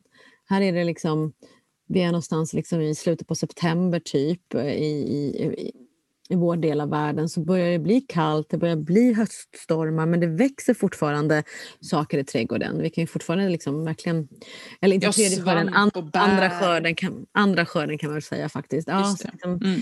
för Moder Jord gör ju så himla mycket som vi inte tänker på som får oss att Mm. liksom andas och fungera och vara. Att liksom, Mm. these small things makes sense. Mm. Ehm, så jag håller med dig. Här är det för mig liksom djur, men, djurriket, människoriket, plantriket, stenar, allt liksom. Um, djupt. Och hedra dem som de är bara, liksom, Ja. utan att också alltid ge dem en eh, Mm. antropomorf gestalt, en människogestalt. Liksom, utan även i sin liksom, ja, icke-antropomorfa form. Ett nytt ord för mig. Kan du säga det igen? Är det? Ja, men, Antropomorf, alltså antropos betyder människa och morf betyder form, så människoform. Man kan säga det finns antropomorfa gudar och gudinnor och så finns det zoomorfa, alltså de som har djurform. just det. Till exempel många egyptiska gudar har ju så här, hundar och fåglar och Mm. katter. Har vi pratat om. Katter, katter, katter, katter. Antropomorf. Men jag skulle säga att eh, den nordiska gud- gudinnan jord, hon har ju lite andra namn också. Fjorgyn, Lodyn. Ja. Eh, men vi, vi brukar säga jord. Vi brukar säga jord. Och här kan man ju också sätta um, Nertus som är ett Mm. väldigt, väldigt gammalt namn som dyker upp. Ehm, är det Tacticus som nämner Tacitus. Tacitus, ja precis. Han nämner Nertus. Ehm, och det är många som jobbar med Nertus i den här aspekten. Ehm, Mm. Men återigen, behöver vi säga det igen? Det finns väldigt lite nedtecknat. Det är ju Ehm, egentligen bara Tacitus som har skrivit om, om Nertus. Men att man har liksom så här, eh, lite etymologiskt med hennes namn. Man tittar på Mm. liksom, var, var kommer det här ordet ifrån och att man kan Mm. koppla ihop det med Njord, den Ja. guden. Som ni kommer ihåg, Skades man. ja. Eh, som är kopplad till sjöfart och havet. Eh, Ja. Och att man kopplar hennes närtus, näring, när, att nära. Ah, men vilken källa är säker? Men just här är det verkligen eh, att göra sin egen resa med henne. För det finns, vi kan inte säga så himla mycket mer än att det som han skrev och nedtecknade typ en ritual där eh, en prästinna eller ja, en prästinna sitter liksom i en vagn och som åker verkar åka runt i någon slags um, cirkel eller i någon slags liksom, cirkulär form. Och att det går en präst, präster bredvid vagnen. Det är väl ungefär det som står om. Ja, För att hon ska blässa liksom Ja. åkrarna. Ja. Ehm, och, och jag vet, som vi har pratat om innan också, att de, de här, man har ju hittat den här typen av eh, eh, liksom rituella vagnar i, Mm. i många gravar. Jag tänker på till exempel Osebergsgraven i Norge så har man hittat Ja, en otroligt... Så här, eh, alltså den, jag har sett den vagnen på riktigt. Den är, det är helt ofattbart hur man har Mm. kunnat skapa det. Så, så intrikata sniderier på den vagnen. Och sen att man liksom väljer att begrava den i jorden. Eh, alltså vagnarna har De en måste ha viktig varit så- symbolisk betydelse. Ja, men de där, alltså, de där måste ju ha varit så högt uppsatta kvinnor. Alltså. Ja, visst. Verkligen. Och sen att man har hittat mycket liksom sådana vagnar eh, i, i liksom mossar och man ibland också har hittat... Mm. Eh, ja, vi pratade om det med, med fensalar och liksom Mm. mossoffer och man har hittat människor också. Ehm, Mm. Så man tänker sig att Nertus kan ha varit kopplad mycket också till det här, liksom, våtmarker, den typen av, av Mm. liksom, jord. För hon är ju en germansk gudinna som också på något sätt, eh, jag tror att eh, hennes namn betyder typ också, alltså germanskt så är det fred eller fredsbringare, alltså ehm, välstånd. Så man vet ju inte riktigt vart han var någonstans när han skrev det här heller. nej, precis. Så det är snarare Men- på Njärd, När, Njord. Och, och Man får göra sin egen resa med henne ganska Mm. mycket. Jag, jag tycker att jag får väldigt stark kontakt med henne just när jag rör mig i lite så våtmarksmiljö. Mm. Men det är Mm. kanske bara jag. Det verkar som att alla gudinnor kommer till mig i våtmarksmiljö. Fittan. Titan! Ja, nej, men hon, jag tror, jag tror, jag tror, ehm, alltså det, ja, men jag tror här, här är det ju liksom verkligen att bara liksom, du, res på henne och se vad som händer. Vi- här finns i alla fall två som lyssnar, så att säga. Jag vet att också att eh, det finns en arkeolog som heter Bertil Almgren och han vill koppla ihop skålgropars symbolik med henne. Nu läser jag faktiskt innan här att det finns eh, avbildningar av fotsulor som uppträder bland hällristningar från yngre bronsålder med en kvinnlig fruktbarhetsgudinna av Nertus-typ. Och då menar jag han då att fotsulor och skålgropar ofta kombineras. Mm. Så det, det kan ju vara lite intressant om ni har Ja, men- skålgrop nära er eller någon sån eh, liksom gropplats. Då kan ni ju gå dit och se om ni får någon liten hälsning. Ja, men många forskare säger just att Nertus kan, är kanske typ den äldsta namngivna gudinnan. Att man Mm. ofta förknippar henne med en, en äldre tradition, bronsålderskultur. Ja. Medan liksom mycket av det vi har i, i... Hon nämns ju liksom till exempel inte i Eddan eller så. Men medan mycket av de namnen är, tillhör en liksom yngre religion. Så det är väl Mm. också därför det är spännande med Nertus men också Ja. svårt för att det saknas källor. Väldigt, väldigt spännande. Eh, här har vi också Pachamama. Mm. Då är vi tillbaka i Sydamerika. Ja, nu är vi tillbaka. Anderna. Eh, och det betyder ju också liksom Moder Jord. Eh, more or less. Det betyder ju liksom hela jorden, hela den cykliska planeten, hela eh, de oanade möjligheterna som, som finns liksom hos Moder Jord. Det är berg, det är jordbävningar, det är eh, fertilitet, det är måne, det är skörd, det är människor. Ja, men allt som är. Och, och hon, hon är ju i allra högsta grad liksom en gudinna som fortfarande dyrkas. Det är Mm. ju en obruten Mm. tradition. Liksom. Ja, verkligen. Eh, Eh, verkligen en helt obruten tradition. Och det, det, den är, ja, men hon är ju väldigt liksom, porträtterad ibland som en, en gudinna med en stor mage som kanske är Moder Jord. Men också så här att hon, vad som, vad som än växer på jorden är Pachamama. Ehm, och hon... Um, ah, det finns ju liksom så här... Oh, jag vet inte. Det här vet jag egentligen för lite om för att jag inte har levt med henne men att man liksom att, att, att hon jordbävningar och tsunamis och, och missväxt och sånt det är liksom att hon inte har fått tillräckligt med offer så att säga. I, i, och då är det liksom inte människooffer utan liksom mer att vi måste ge um, alltså tillbe henne mer och det tänker jag i modern tappning handlar ju om det som vi har pratat om att vi inte liksom tar hand Vi kan om inte bara ta. Liksom. Nej, vi kan inte bara ta. Liksom. Så det är ju, det är ju ja, Pachamama, anderna, inka. En sak med henne som jag tycker är cool också är att hon är Mm. en drakgudinna. Att förutom att hon liksom porträtteras som en så stor typ med stor mage så Mm. är hon också porträtterad som en drake. Ja, Ehm, och det är ju liksom en, en gestalt som ofta förknippas med gudinnan. Alltså drake. ehm, i, I alla möjliga mytologier så, mm. så sammankopplas drakar med gudinnor. Och vi har många drak, manliga drakdödare i myterna också. Det har vi ju verkligen. Det handlar om. Alltså, kan man fundera på. det kan man fundera på. Det tänker jag att vi inte ens behöver säga. Om man, om man har lyssnat så här långt på våra, de här gudinneavsnittet så vet man ju vad vi ska säga. Eller hur? Ja, vad har vi mer här på vår lilla härliga... Mm, mm, mm. Ja, vi hade Gayfjorn. Jo, du säger det gotländskt. Gayfjorn. Gayfjorn. Gefjorn. Gefjorn.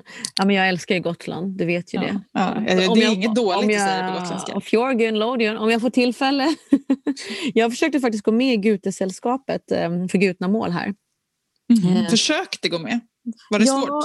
Ja, man var ju tvungen att skriva motivering till varför man ville vara med. Oj! Eh. Exclusive club. Ja, eh, nej, men det är väl bra. Och, och så kände jag att jag föll lite på min motivering. Att, så här, att jag, jag kanske egentligen skulle vara stödmedlem för att jag vill inte att språket ska dö ut. Men sen så tänkte jag att jag ska tänka efter lite och kolla vad min faktiska ingång är eh, till, till det.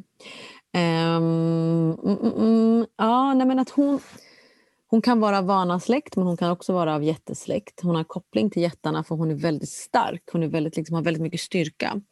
Och eh, Det finns en myt att hon eh, blir lovad så mycket land som hon kan plöja på en dag. Och Då tänker de att hon inte kommer kunna göra det.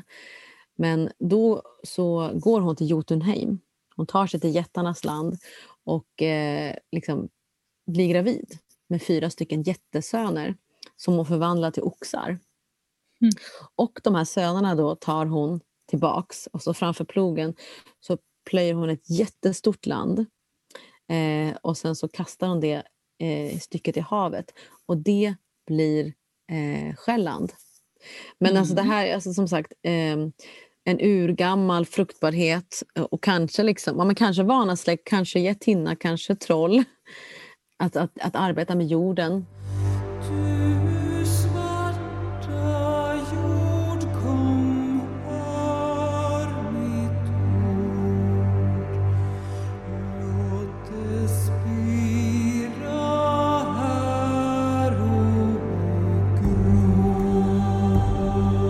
Nu går vi till sista härliga tårtbiten, eller på att säga. Det är ingen tårta, men den sista delen av vårt jul. Det kan väl visst vara en tårta? Ja, det, är, det ser ut som en tårta ju. Åh, Ja. den tårtan Då vi går vi till... Ja, en årsjulstårta. Ja. Jag fyller 40 nästa år, då förväntar jag mig en årsjulstårta. Det är, vad heter det? Jag höll på att säga you wish it's my command, men det var inte det jag menade. Jag menade liksom it's been heard. it's here, it's here, it's been heard. Mm. Och här är vi ju precis eh, där många kan ha varit just nu. Vi är liksom i början av eh, den mörka tiden. Mm. I eh, slutet av oktober, början av november. Mm. Tiden då vi brukar fira halloween i modernt samhälle. Ja. Eh, och riktningen är nordväst. Riktningen är nordväst. Och här har Mm. vi aspekten av gudinnan som en hagga. Som, Hagga, det låter så himla... så- Alltså vi säger ju det, så här, för att på engelska heter det Ja. hag. Men Mm. hagga är ju som ett skällsord i, Ja, i modern svenska. men är, alla sådana ord är det i svenskan. Alltså tant, Kärring, kärring. Alltså det är häxa verkligen- också. En jävla häxa. häxa, liksom, Ja. batikhäxa. ja, batikhäxa. Nej, men vi har inget bra ord i svenska språket för, ehm, för den. Eller så är det just det som gör att den är bra. Därför att alltså, alla de här orden som görs till skällsord, även typ fitta är ju ett skällsord. Ja. Alltså, det är så här, det är ju inte, då tänker jag liksom att istället för att bara gå bort från de orden så är det snarare så här, att ta tillbaka dem. Därför att varför de blir skällsord är ju för att de kommer med en kraft som skrämmer patriarkatet.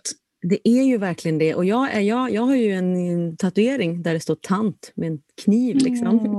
Som jag älskar tant. Tant is fucking amazing. Alltså, vad vore någonting utan tanten Mm. eh, överhuvudtaget i modern tid? Och vad vore någonting utan haggan? Och grogghaggan, fan Mm. mig. Ja, men det, alltså jag tänker att den här tiden handlar ju mycket om att ta kontakt med det som, Ja. alltså det som patriarkatet hatar mest av allt och det som vi ofta Yes. kanske själva också inte vill Ja. kännas vid. För man vill ju liksom, man vill inte vara en tant, man vill inte vara en hagga, man vill inte vara en kärring. Liksom, kärringaktig. Mm. Eh, Men det är väl just att titta på de skuggorna. Liksom. Mm. Men därför är det intressant att på engelska så finns det ett ord som heter crown. crown eller, Crone. Crone. Crone. Och den är ju inte lika själs... Nej, alltså det, är inte, det är inte ett skällsord. därför jag tänker också att det är inte ett ord som används i modern engelska. Nej, det används inte. Precis. Så att det liksom har, ja, det, det är inte det är inte liksom besudlat med, med massa saker för att inte... You're a nasty crone. Nej, men det är, inte riktigt så. Eh, det, finns, det finns gott om andra skällsord i engelska språket, så att säga. Mm. Men eh, ja, nej men... Men det är också en tid, en tid som är förknippad med döden. Ja, Eh. Eftersom att naturen går in i döden. Ja. Eh, Och vi, vi har ju som sagt halloween och alla de typerna som vi pratat om i tidigare avsnitt Mm. som, där man firar döden på olika sätt. Ja. Det är också många dödsgudinnor här. Alltså precis, och det är ju, det är ju liksom nedstigningen eh, till... till eh, om vi, innan var vi jord så är det liksom nu nedstigningen till, till eh, undervärlden, till underjorden. Till liksom, Alltså först jorden och sen ännu djupare ner. Liksom. Ja, exakt. Ännu djupare ner. Ehm, och borra sig in där. Och det spelar ingen, jag tror inte det spelar någon roll hur gammal man är, hur många år man har vandrat ett årshjul. Det finns alltid någonting här eh, att ta tag i. Och sen kanske det inte alltid kommer till en just vid den här tiden. Men, men den här delen handlar ju om, som vi sa, om döden. Men, men, men väldigt mycket om transformationen och om liksom återfödelse. Vad, vad är det? Man brukar prata om att det, en, att, att det kan vara en, att vi firar en eldsfest här. Att man verkligen på något sätt så här, innan vi, när vi börjar kliva ner under jorden, lager på lager på lager, steg och steg och steg ner för trappan, eller vad man nu har för visu, visuell bild, så försöker man liksom eh, bli av med det som länge, längre inte tjänar en. Och där, där finns det ju den här jättefina myten. En av de, Mm. Det är den äldsta myten Ja. som vi har nedtecknad i hela världen. Japp. Myten om Inanna. Ja. Berätta. Ja, men, eh, det, är ju det, det är det första litterära verket som, som man har hittat. Länge pratade man om att Gilgamesh-eposet var det äldsta men sen så har man då hittat liksom, eh, Inanna-myten som är äldre. Och den är Mm. också nedtecknad av en, en kvinna. Eh, det Enheduanna. Ah. Vad sa du? Ja, det finns namn på vem som har skrivit Det det. finns namn. Eh, Enheduanna och hon eh, verkar vara en historisk person som eh, troligtvis någon slags drottning, prinsessa, liksom, alltså så här högt uppsatt. Och även, tror man, prästinna. Då. Mm. Eh, och, Hur gammal är den? Den är ju från den sumeriska tiden, så 2000-2500-ish där före vår tideräkning. Mm. Eh, och, ja, I den här myten så finns det jättemycket kring Inanna som är liksom drottning av både himmel och jord, gudinna både himmel och jord. Men den myten som hon är mest känd för och som knyter an till det vi pratar om nu är ju när hon ska nedstiga i underjorden och hälsa på Mm. sin syster Ereshkigal som- som är härskarinnan av underjorden. Och när Inanna nedstiger genom de här portarna, precis som du säger, Mm. så blir hon liksom tillsagd att vid varje port ta av sig ett plagg. Och det är inte liksom bara ett plagg, utan det är ju hennes, hon är ju drottning. Så hon måste ta av sig krona, juveler, allting Mm. det som... Alltså allt, alla sociala markörer tills hon står naken i underjorden. Mm. Så att liksom, som du säger, för att nedstiga måste vi Mm. klä av oss saker som kanske är masker, som kanske är det som skyddar oss från att verkligen vara i vårt allra mest nakna och sårbara jag. Mm. Alltså det där är så... To, alltså jag älskar, älskar den där... Alltså det, för det, grejen är att jag, jag gjorde en svetthydda en gång. Som handlade, och den svetthyddan var en keltisk svetthydda som handlar om eh, som handlade om att återfödas. Och bara om man inte vet vad en svetthydda är så är det, eh, finns det flera olika eh, traditioner och de görs på olika sätt. Men framförallt så är det att man bygger liksom som en, en hydda med varma, varma, varma stenar i mitten av den här hyddan och så sitter man i den och eh, svettas.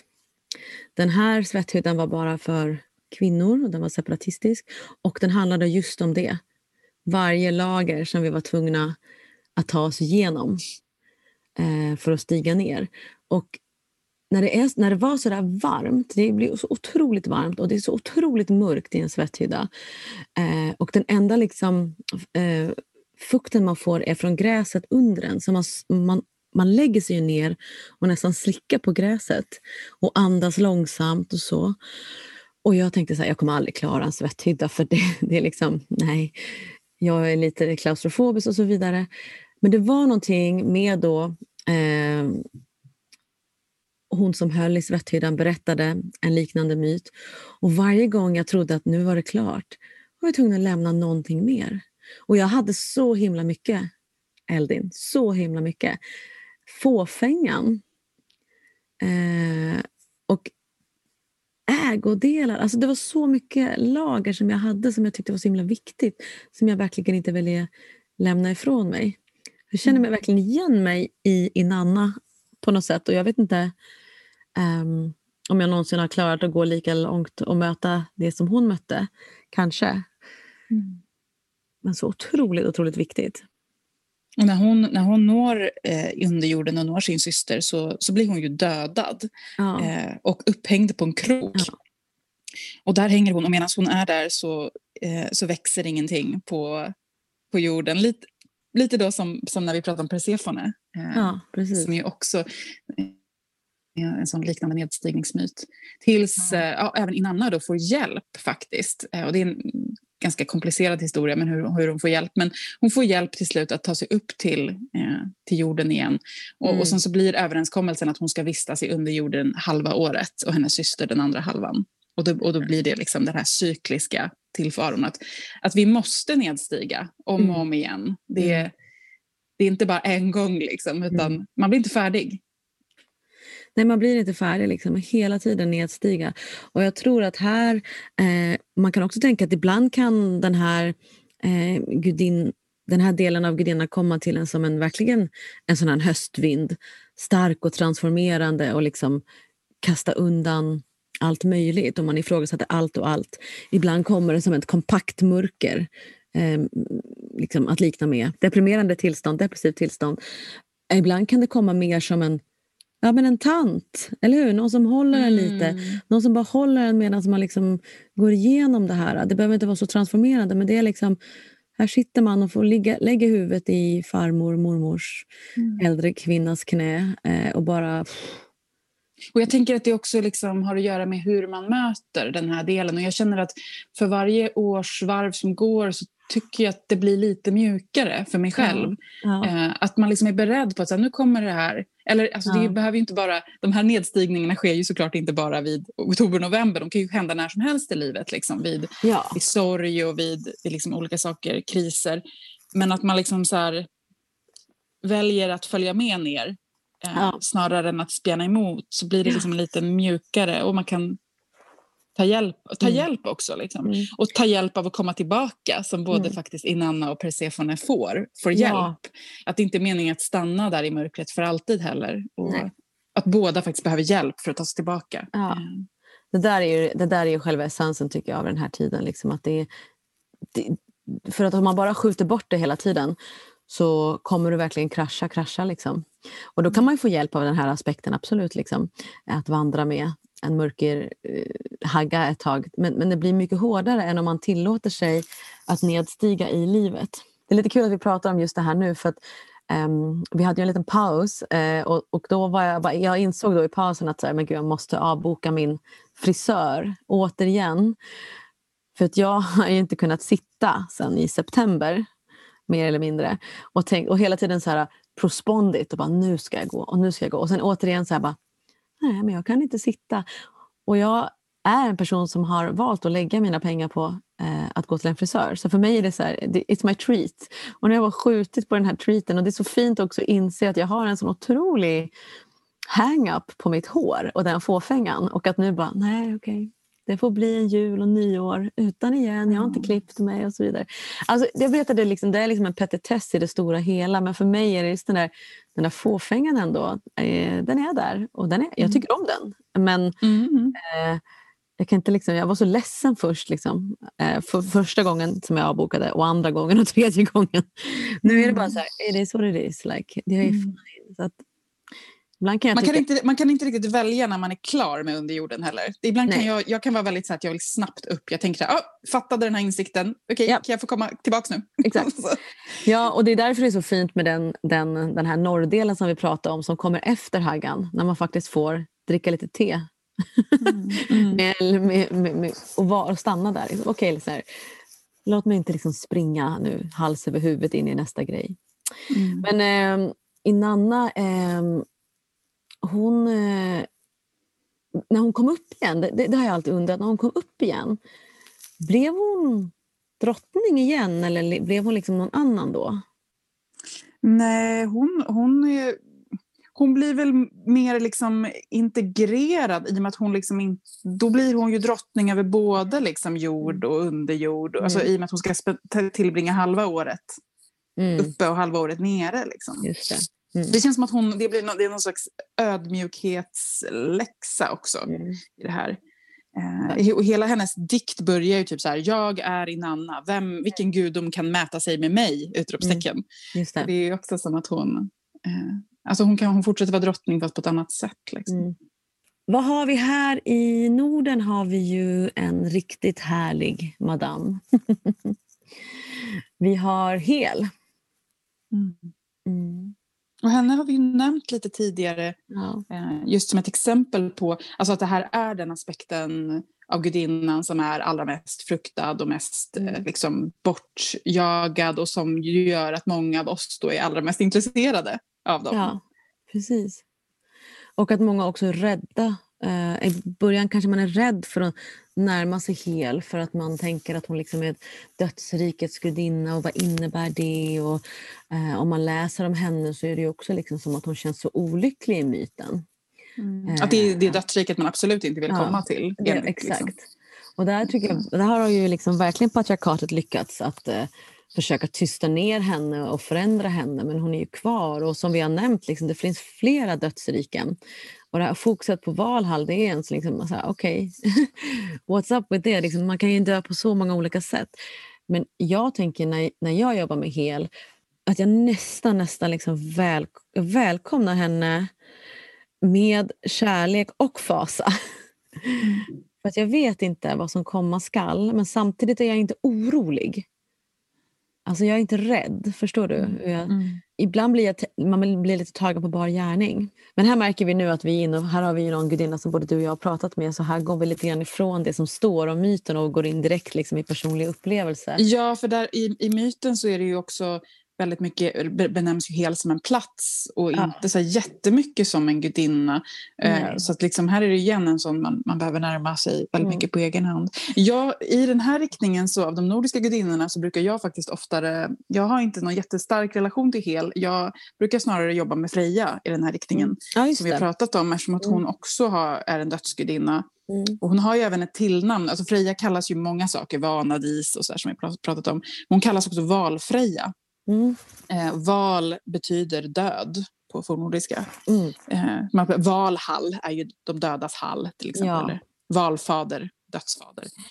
Och jag tror att överhuvudtaget med, med liksom en crown goddesses eh, att man kan behöva verkligen ta myterna med en nypa salt. När man har, för ett hel har ju liksom blivit personifierat som det absolut värsta som kan hända. Alltså det är liksom, hon är hemskheten. Hon är, hon är dotter till Loke och bro, eh, liksom hennes bror är Midgårdsormen och Fenrisulven. Eh, hon, är- hennes mamma är Angerboda, en ond getinna. Och hon härskar över liksom de självdödas rike. Eh, kvinnor och barn och hon, liksom, hennes skepp är byggt av naglar. Alltså det är verkligen så att man bara bla bla, hö, hö, hö, det bara håller på. Liksom. Mm. Eh, så onyanser, onyanserat, lika onyanserat som helvetet. Mm. Att det är bara liksom så här... Eh, alltså om någon säger så om en människa, om någon pratar så dåligt om en människa så blir man ju så här, eh, hur mår du egentligen? like, eh, projicerar inte du jävligt mycket nu? Liksom, så, kom. Mm, så det är, jag tar det verkligen med en nypa salt. Liksom. Det är nästan så att jag inte riktigt kan Alltså, ah, jag kan inte riktigt ta det på allvar. Helt. Och det finns, det finns en gudinna i keltisk mytologi också som Mm. också är väldigt så här, förtalad. Ja. Men som jag aldrig liksom har fattat hur man kan tycka så illa om henne. Och det är Blodaiwed. Ja, Eh, världens mest komplicerade ord att stava. Ja. Blode, ued. Eh, men, och, och henne brukar ofta många placera mer i den här ljusa tiden runt våren och sådär. Men alltså, hennes myt är ju att hon är en varelse eller en gudinna eller en kvinna eller någonting sånt som blir skapad av magiker eh, för att vara liksom fru eller älskarinna till en man. Alltså så här, Mm. de, de bygger henne av blommor. Så att hon ska bli liksom den perfekta kvinnan liksom, så här, till en man. Alltså hon, hon finns bara till för en man. Det är så hon tillkommer. Och hon byggs av blommor så hon ska vara så här vacker och bara helt lovely. Som Eh, e, så lite som Eva. blir hon också... Ja, hon Nej också men, jag så? tänker att, hon- nej, men jag tänker att hon är till för mannen för hon blir från Ja. ut, ut Just det, från revben. revbenet. Ja, Ja. Mm. Och sen så händer ju då det att när Blodaiwed blir skapad, ja då blir hon kär i någon annan och går in med honom. Och det här har liksom lästs som, eh, så här, hon är exemplet på en svekfull kvinna. Hon är bedragerskan. Och jag är bara så här, ursäkta, hon väljer en man själv. Hur, på vilket sätt är det svekfullt? Liksom? Det här, först skapar de henne bara för en man och sen så när hon då liksom får egen agens, då är det på något vis en sensmoral om att hon är ond. Man bara, det är väl typ, hur kan det vara så? Och sen, eh, då som straff för att hon gör det här, så blir hon Mm. förvandlad till en uggla. Det är hennes straff att bli en Mm. uggla. Och man bara, hur är det ett straff? Det Typ det coolaste fågeln. uggla.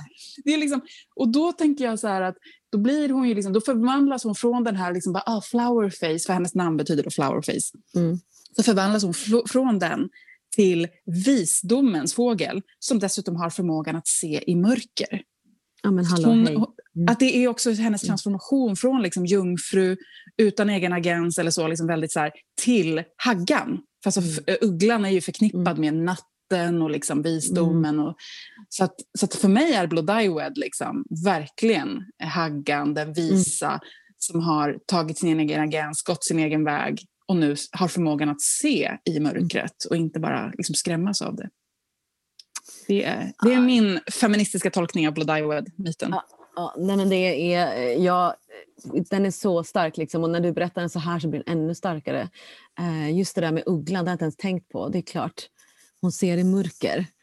Ja, men en annan eh, intressant keltisk eh, gudinna här är ju Shilanagig. Eh, hon som ofta porträtteras eh, med liksom händerna i ett öppet, eh, öppet sköte, liksom, portalen, portalen till liv och död. Och hon, eh, alltså hon, hon finns ju som den här liksom, den, den gudinnestatyn, alltså den, den, den positionen finns ju i flera olika traditioner, att hon sitter så.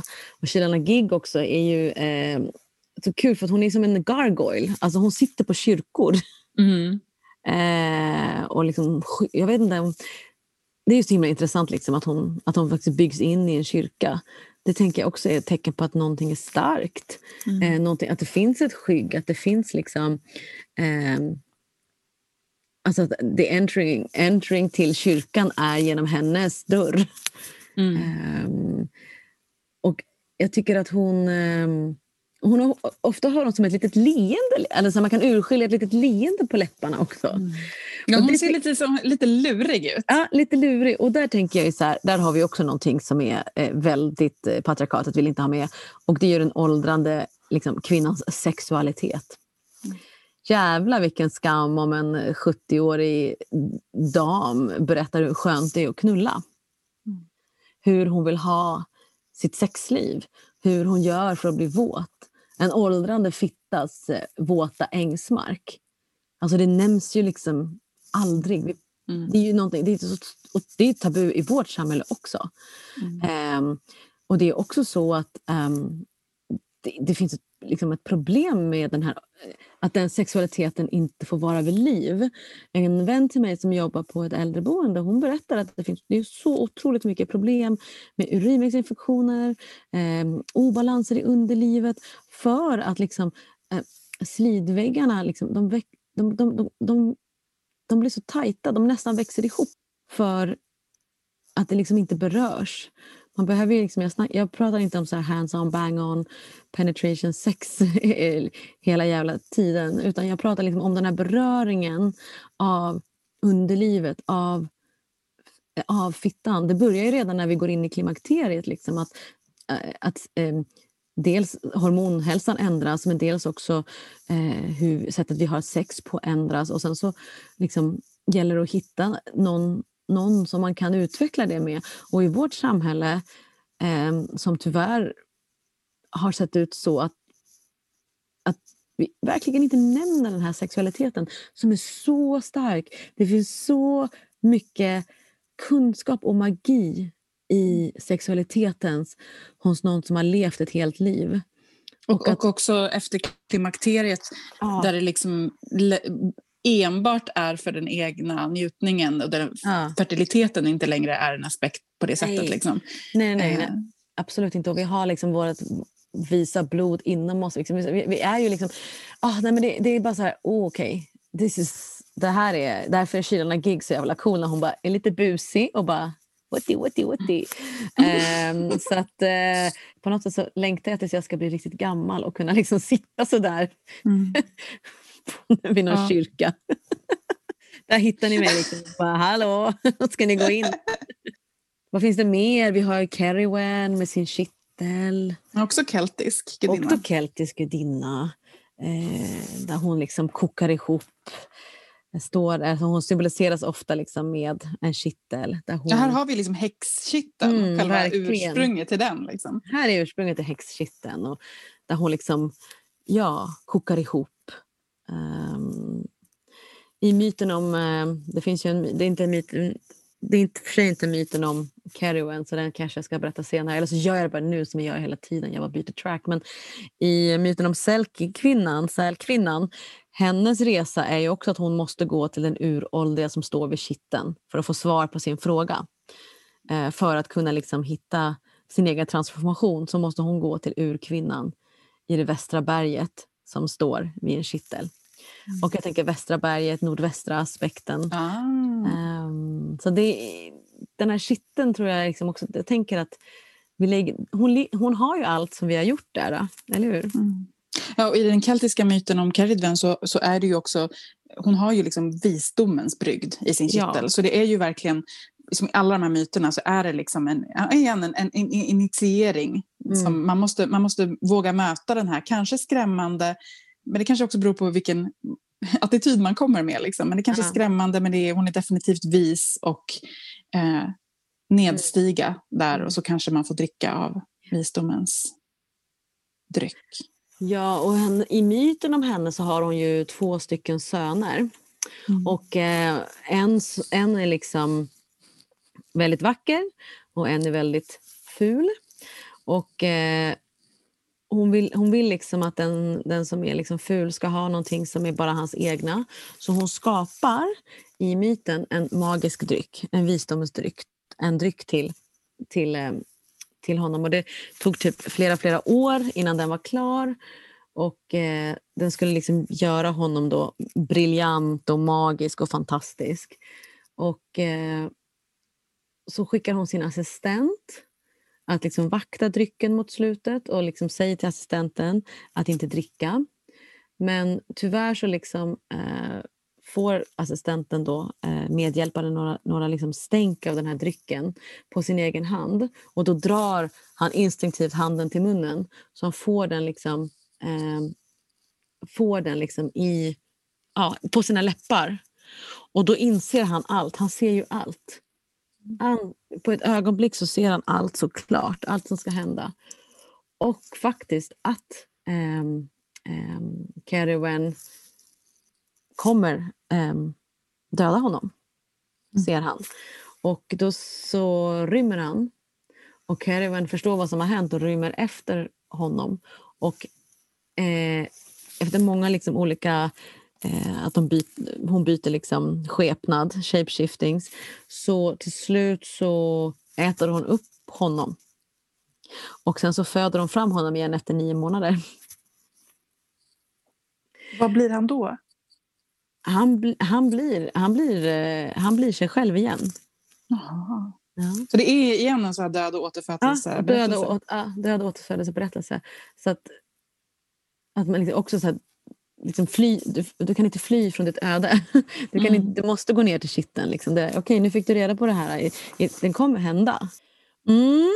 Sen finns det ju, vad har vi, vi har ju, det finns Kali såklart. Just det, den eh, hinduiska. som ofta porträtteras med massa, massa huvuden eh, hängande runt sitt bälte och med liksom knivar som droppar av blod och röda läppar och liksom scary eyes. Men att den, också, den myten handlar ju om liksom att skära bort det som inte gagnar, det som inte Mm. behövs längre. Och hon dyrkas ju också extremt brett eh, i, liksom, i Indien, också som en moder. Mm. Eh, så den här bilden av henne som bara en liksom, blodtörstig demon, den kommer ju väldigt mycket från typ Indiana Jones och eh, vad heter den? De fördömdas tempel. Ja, tänker jag. Indiana. Jones. är för- Ja, Kalima.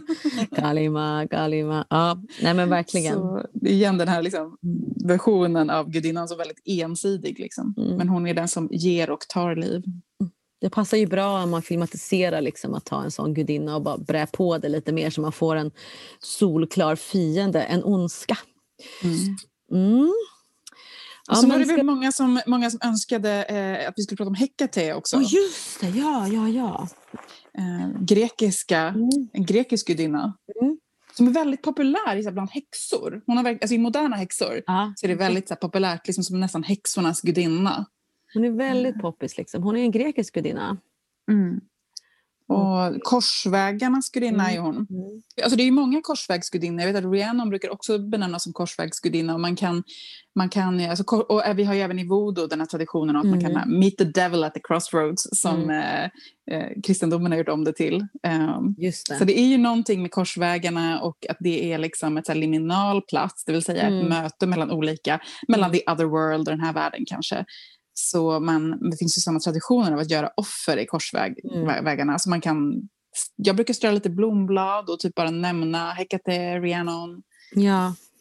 Pappa Legba. Hon är ingen gudinna, det är en, Mm. en gud i voodoo. Men Mm. att, eh, hälsa på korsvägens krafter. De, de som liksom kan släppa igenom en till den andra, andra världen. Liksom.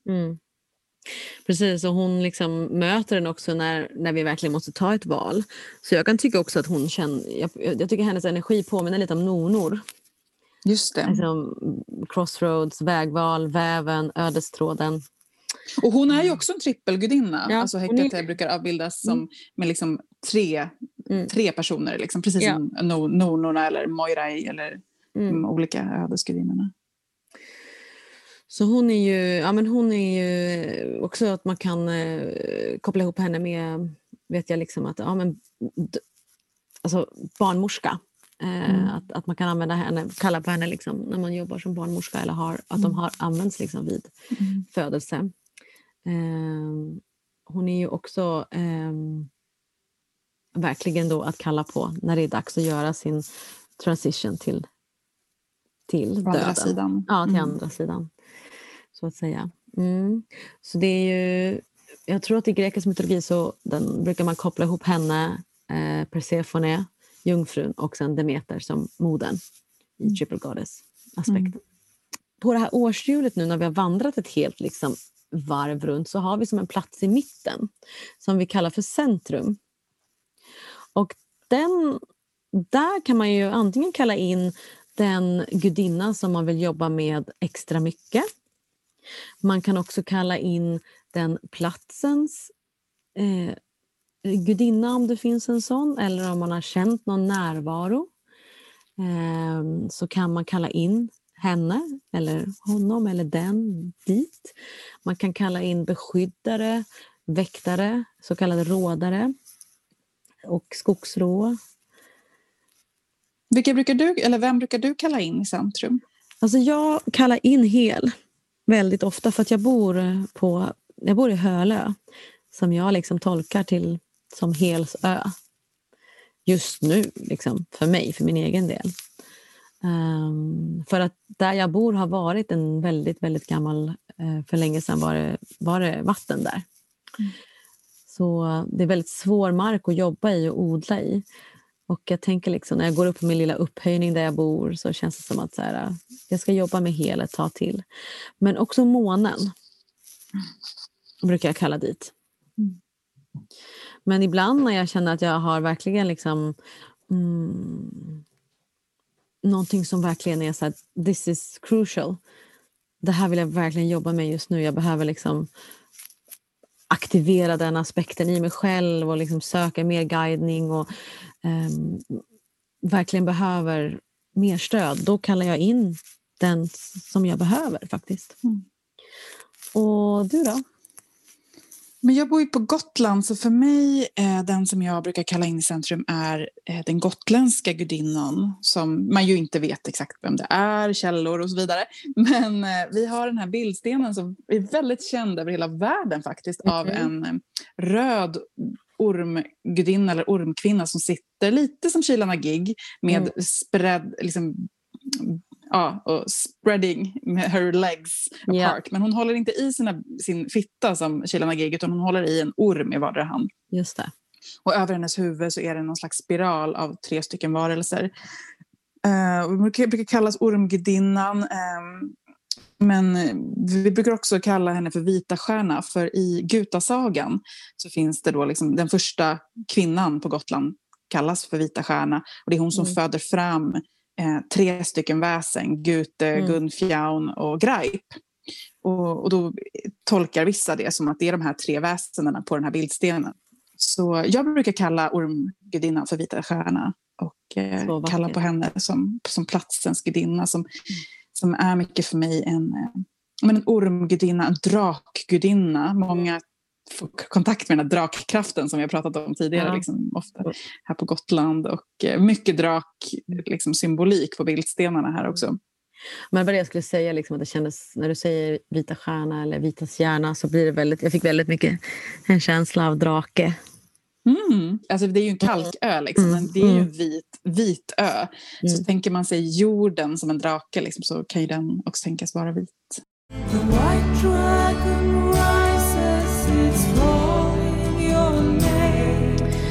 Ja, gud vad fint. Jag tänker så här, alltså, vi har gjort eh, väldigt liksom ändå ganska gedigna härliga avsnitt nu om gudinnor och fortfarande har vi verkligen inte nämnt alla.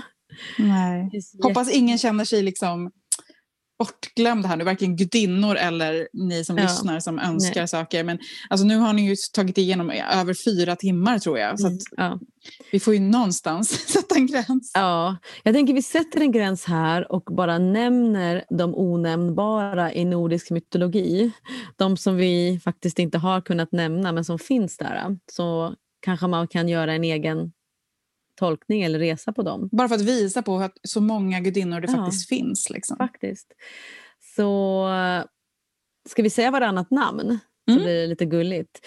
Mm. Um, mm, Okej, okay, jag säger då. Natt. Hejd. Gullveig. Fulla. Gnå. Lufn. Nanna. Rind. Köfn. Snotter. Sigyn. Syn. Vår. Urla. Vilja. Mm. Och då har vi inte ens nämnt alla valkyrior och deras namn. Nej, det har vi inte. Eller dis. Oh my god. Ja, det finns så många. Du, nu tänker jag så här. Jag önskar dig den godaste mörkervila och njutningsfulla tid här i, eh, i midvinter och mm. eh, jul och nyår och sådär. Detsamma. Och må alla gudinnor vara med er alla.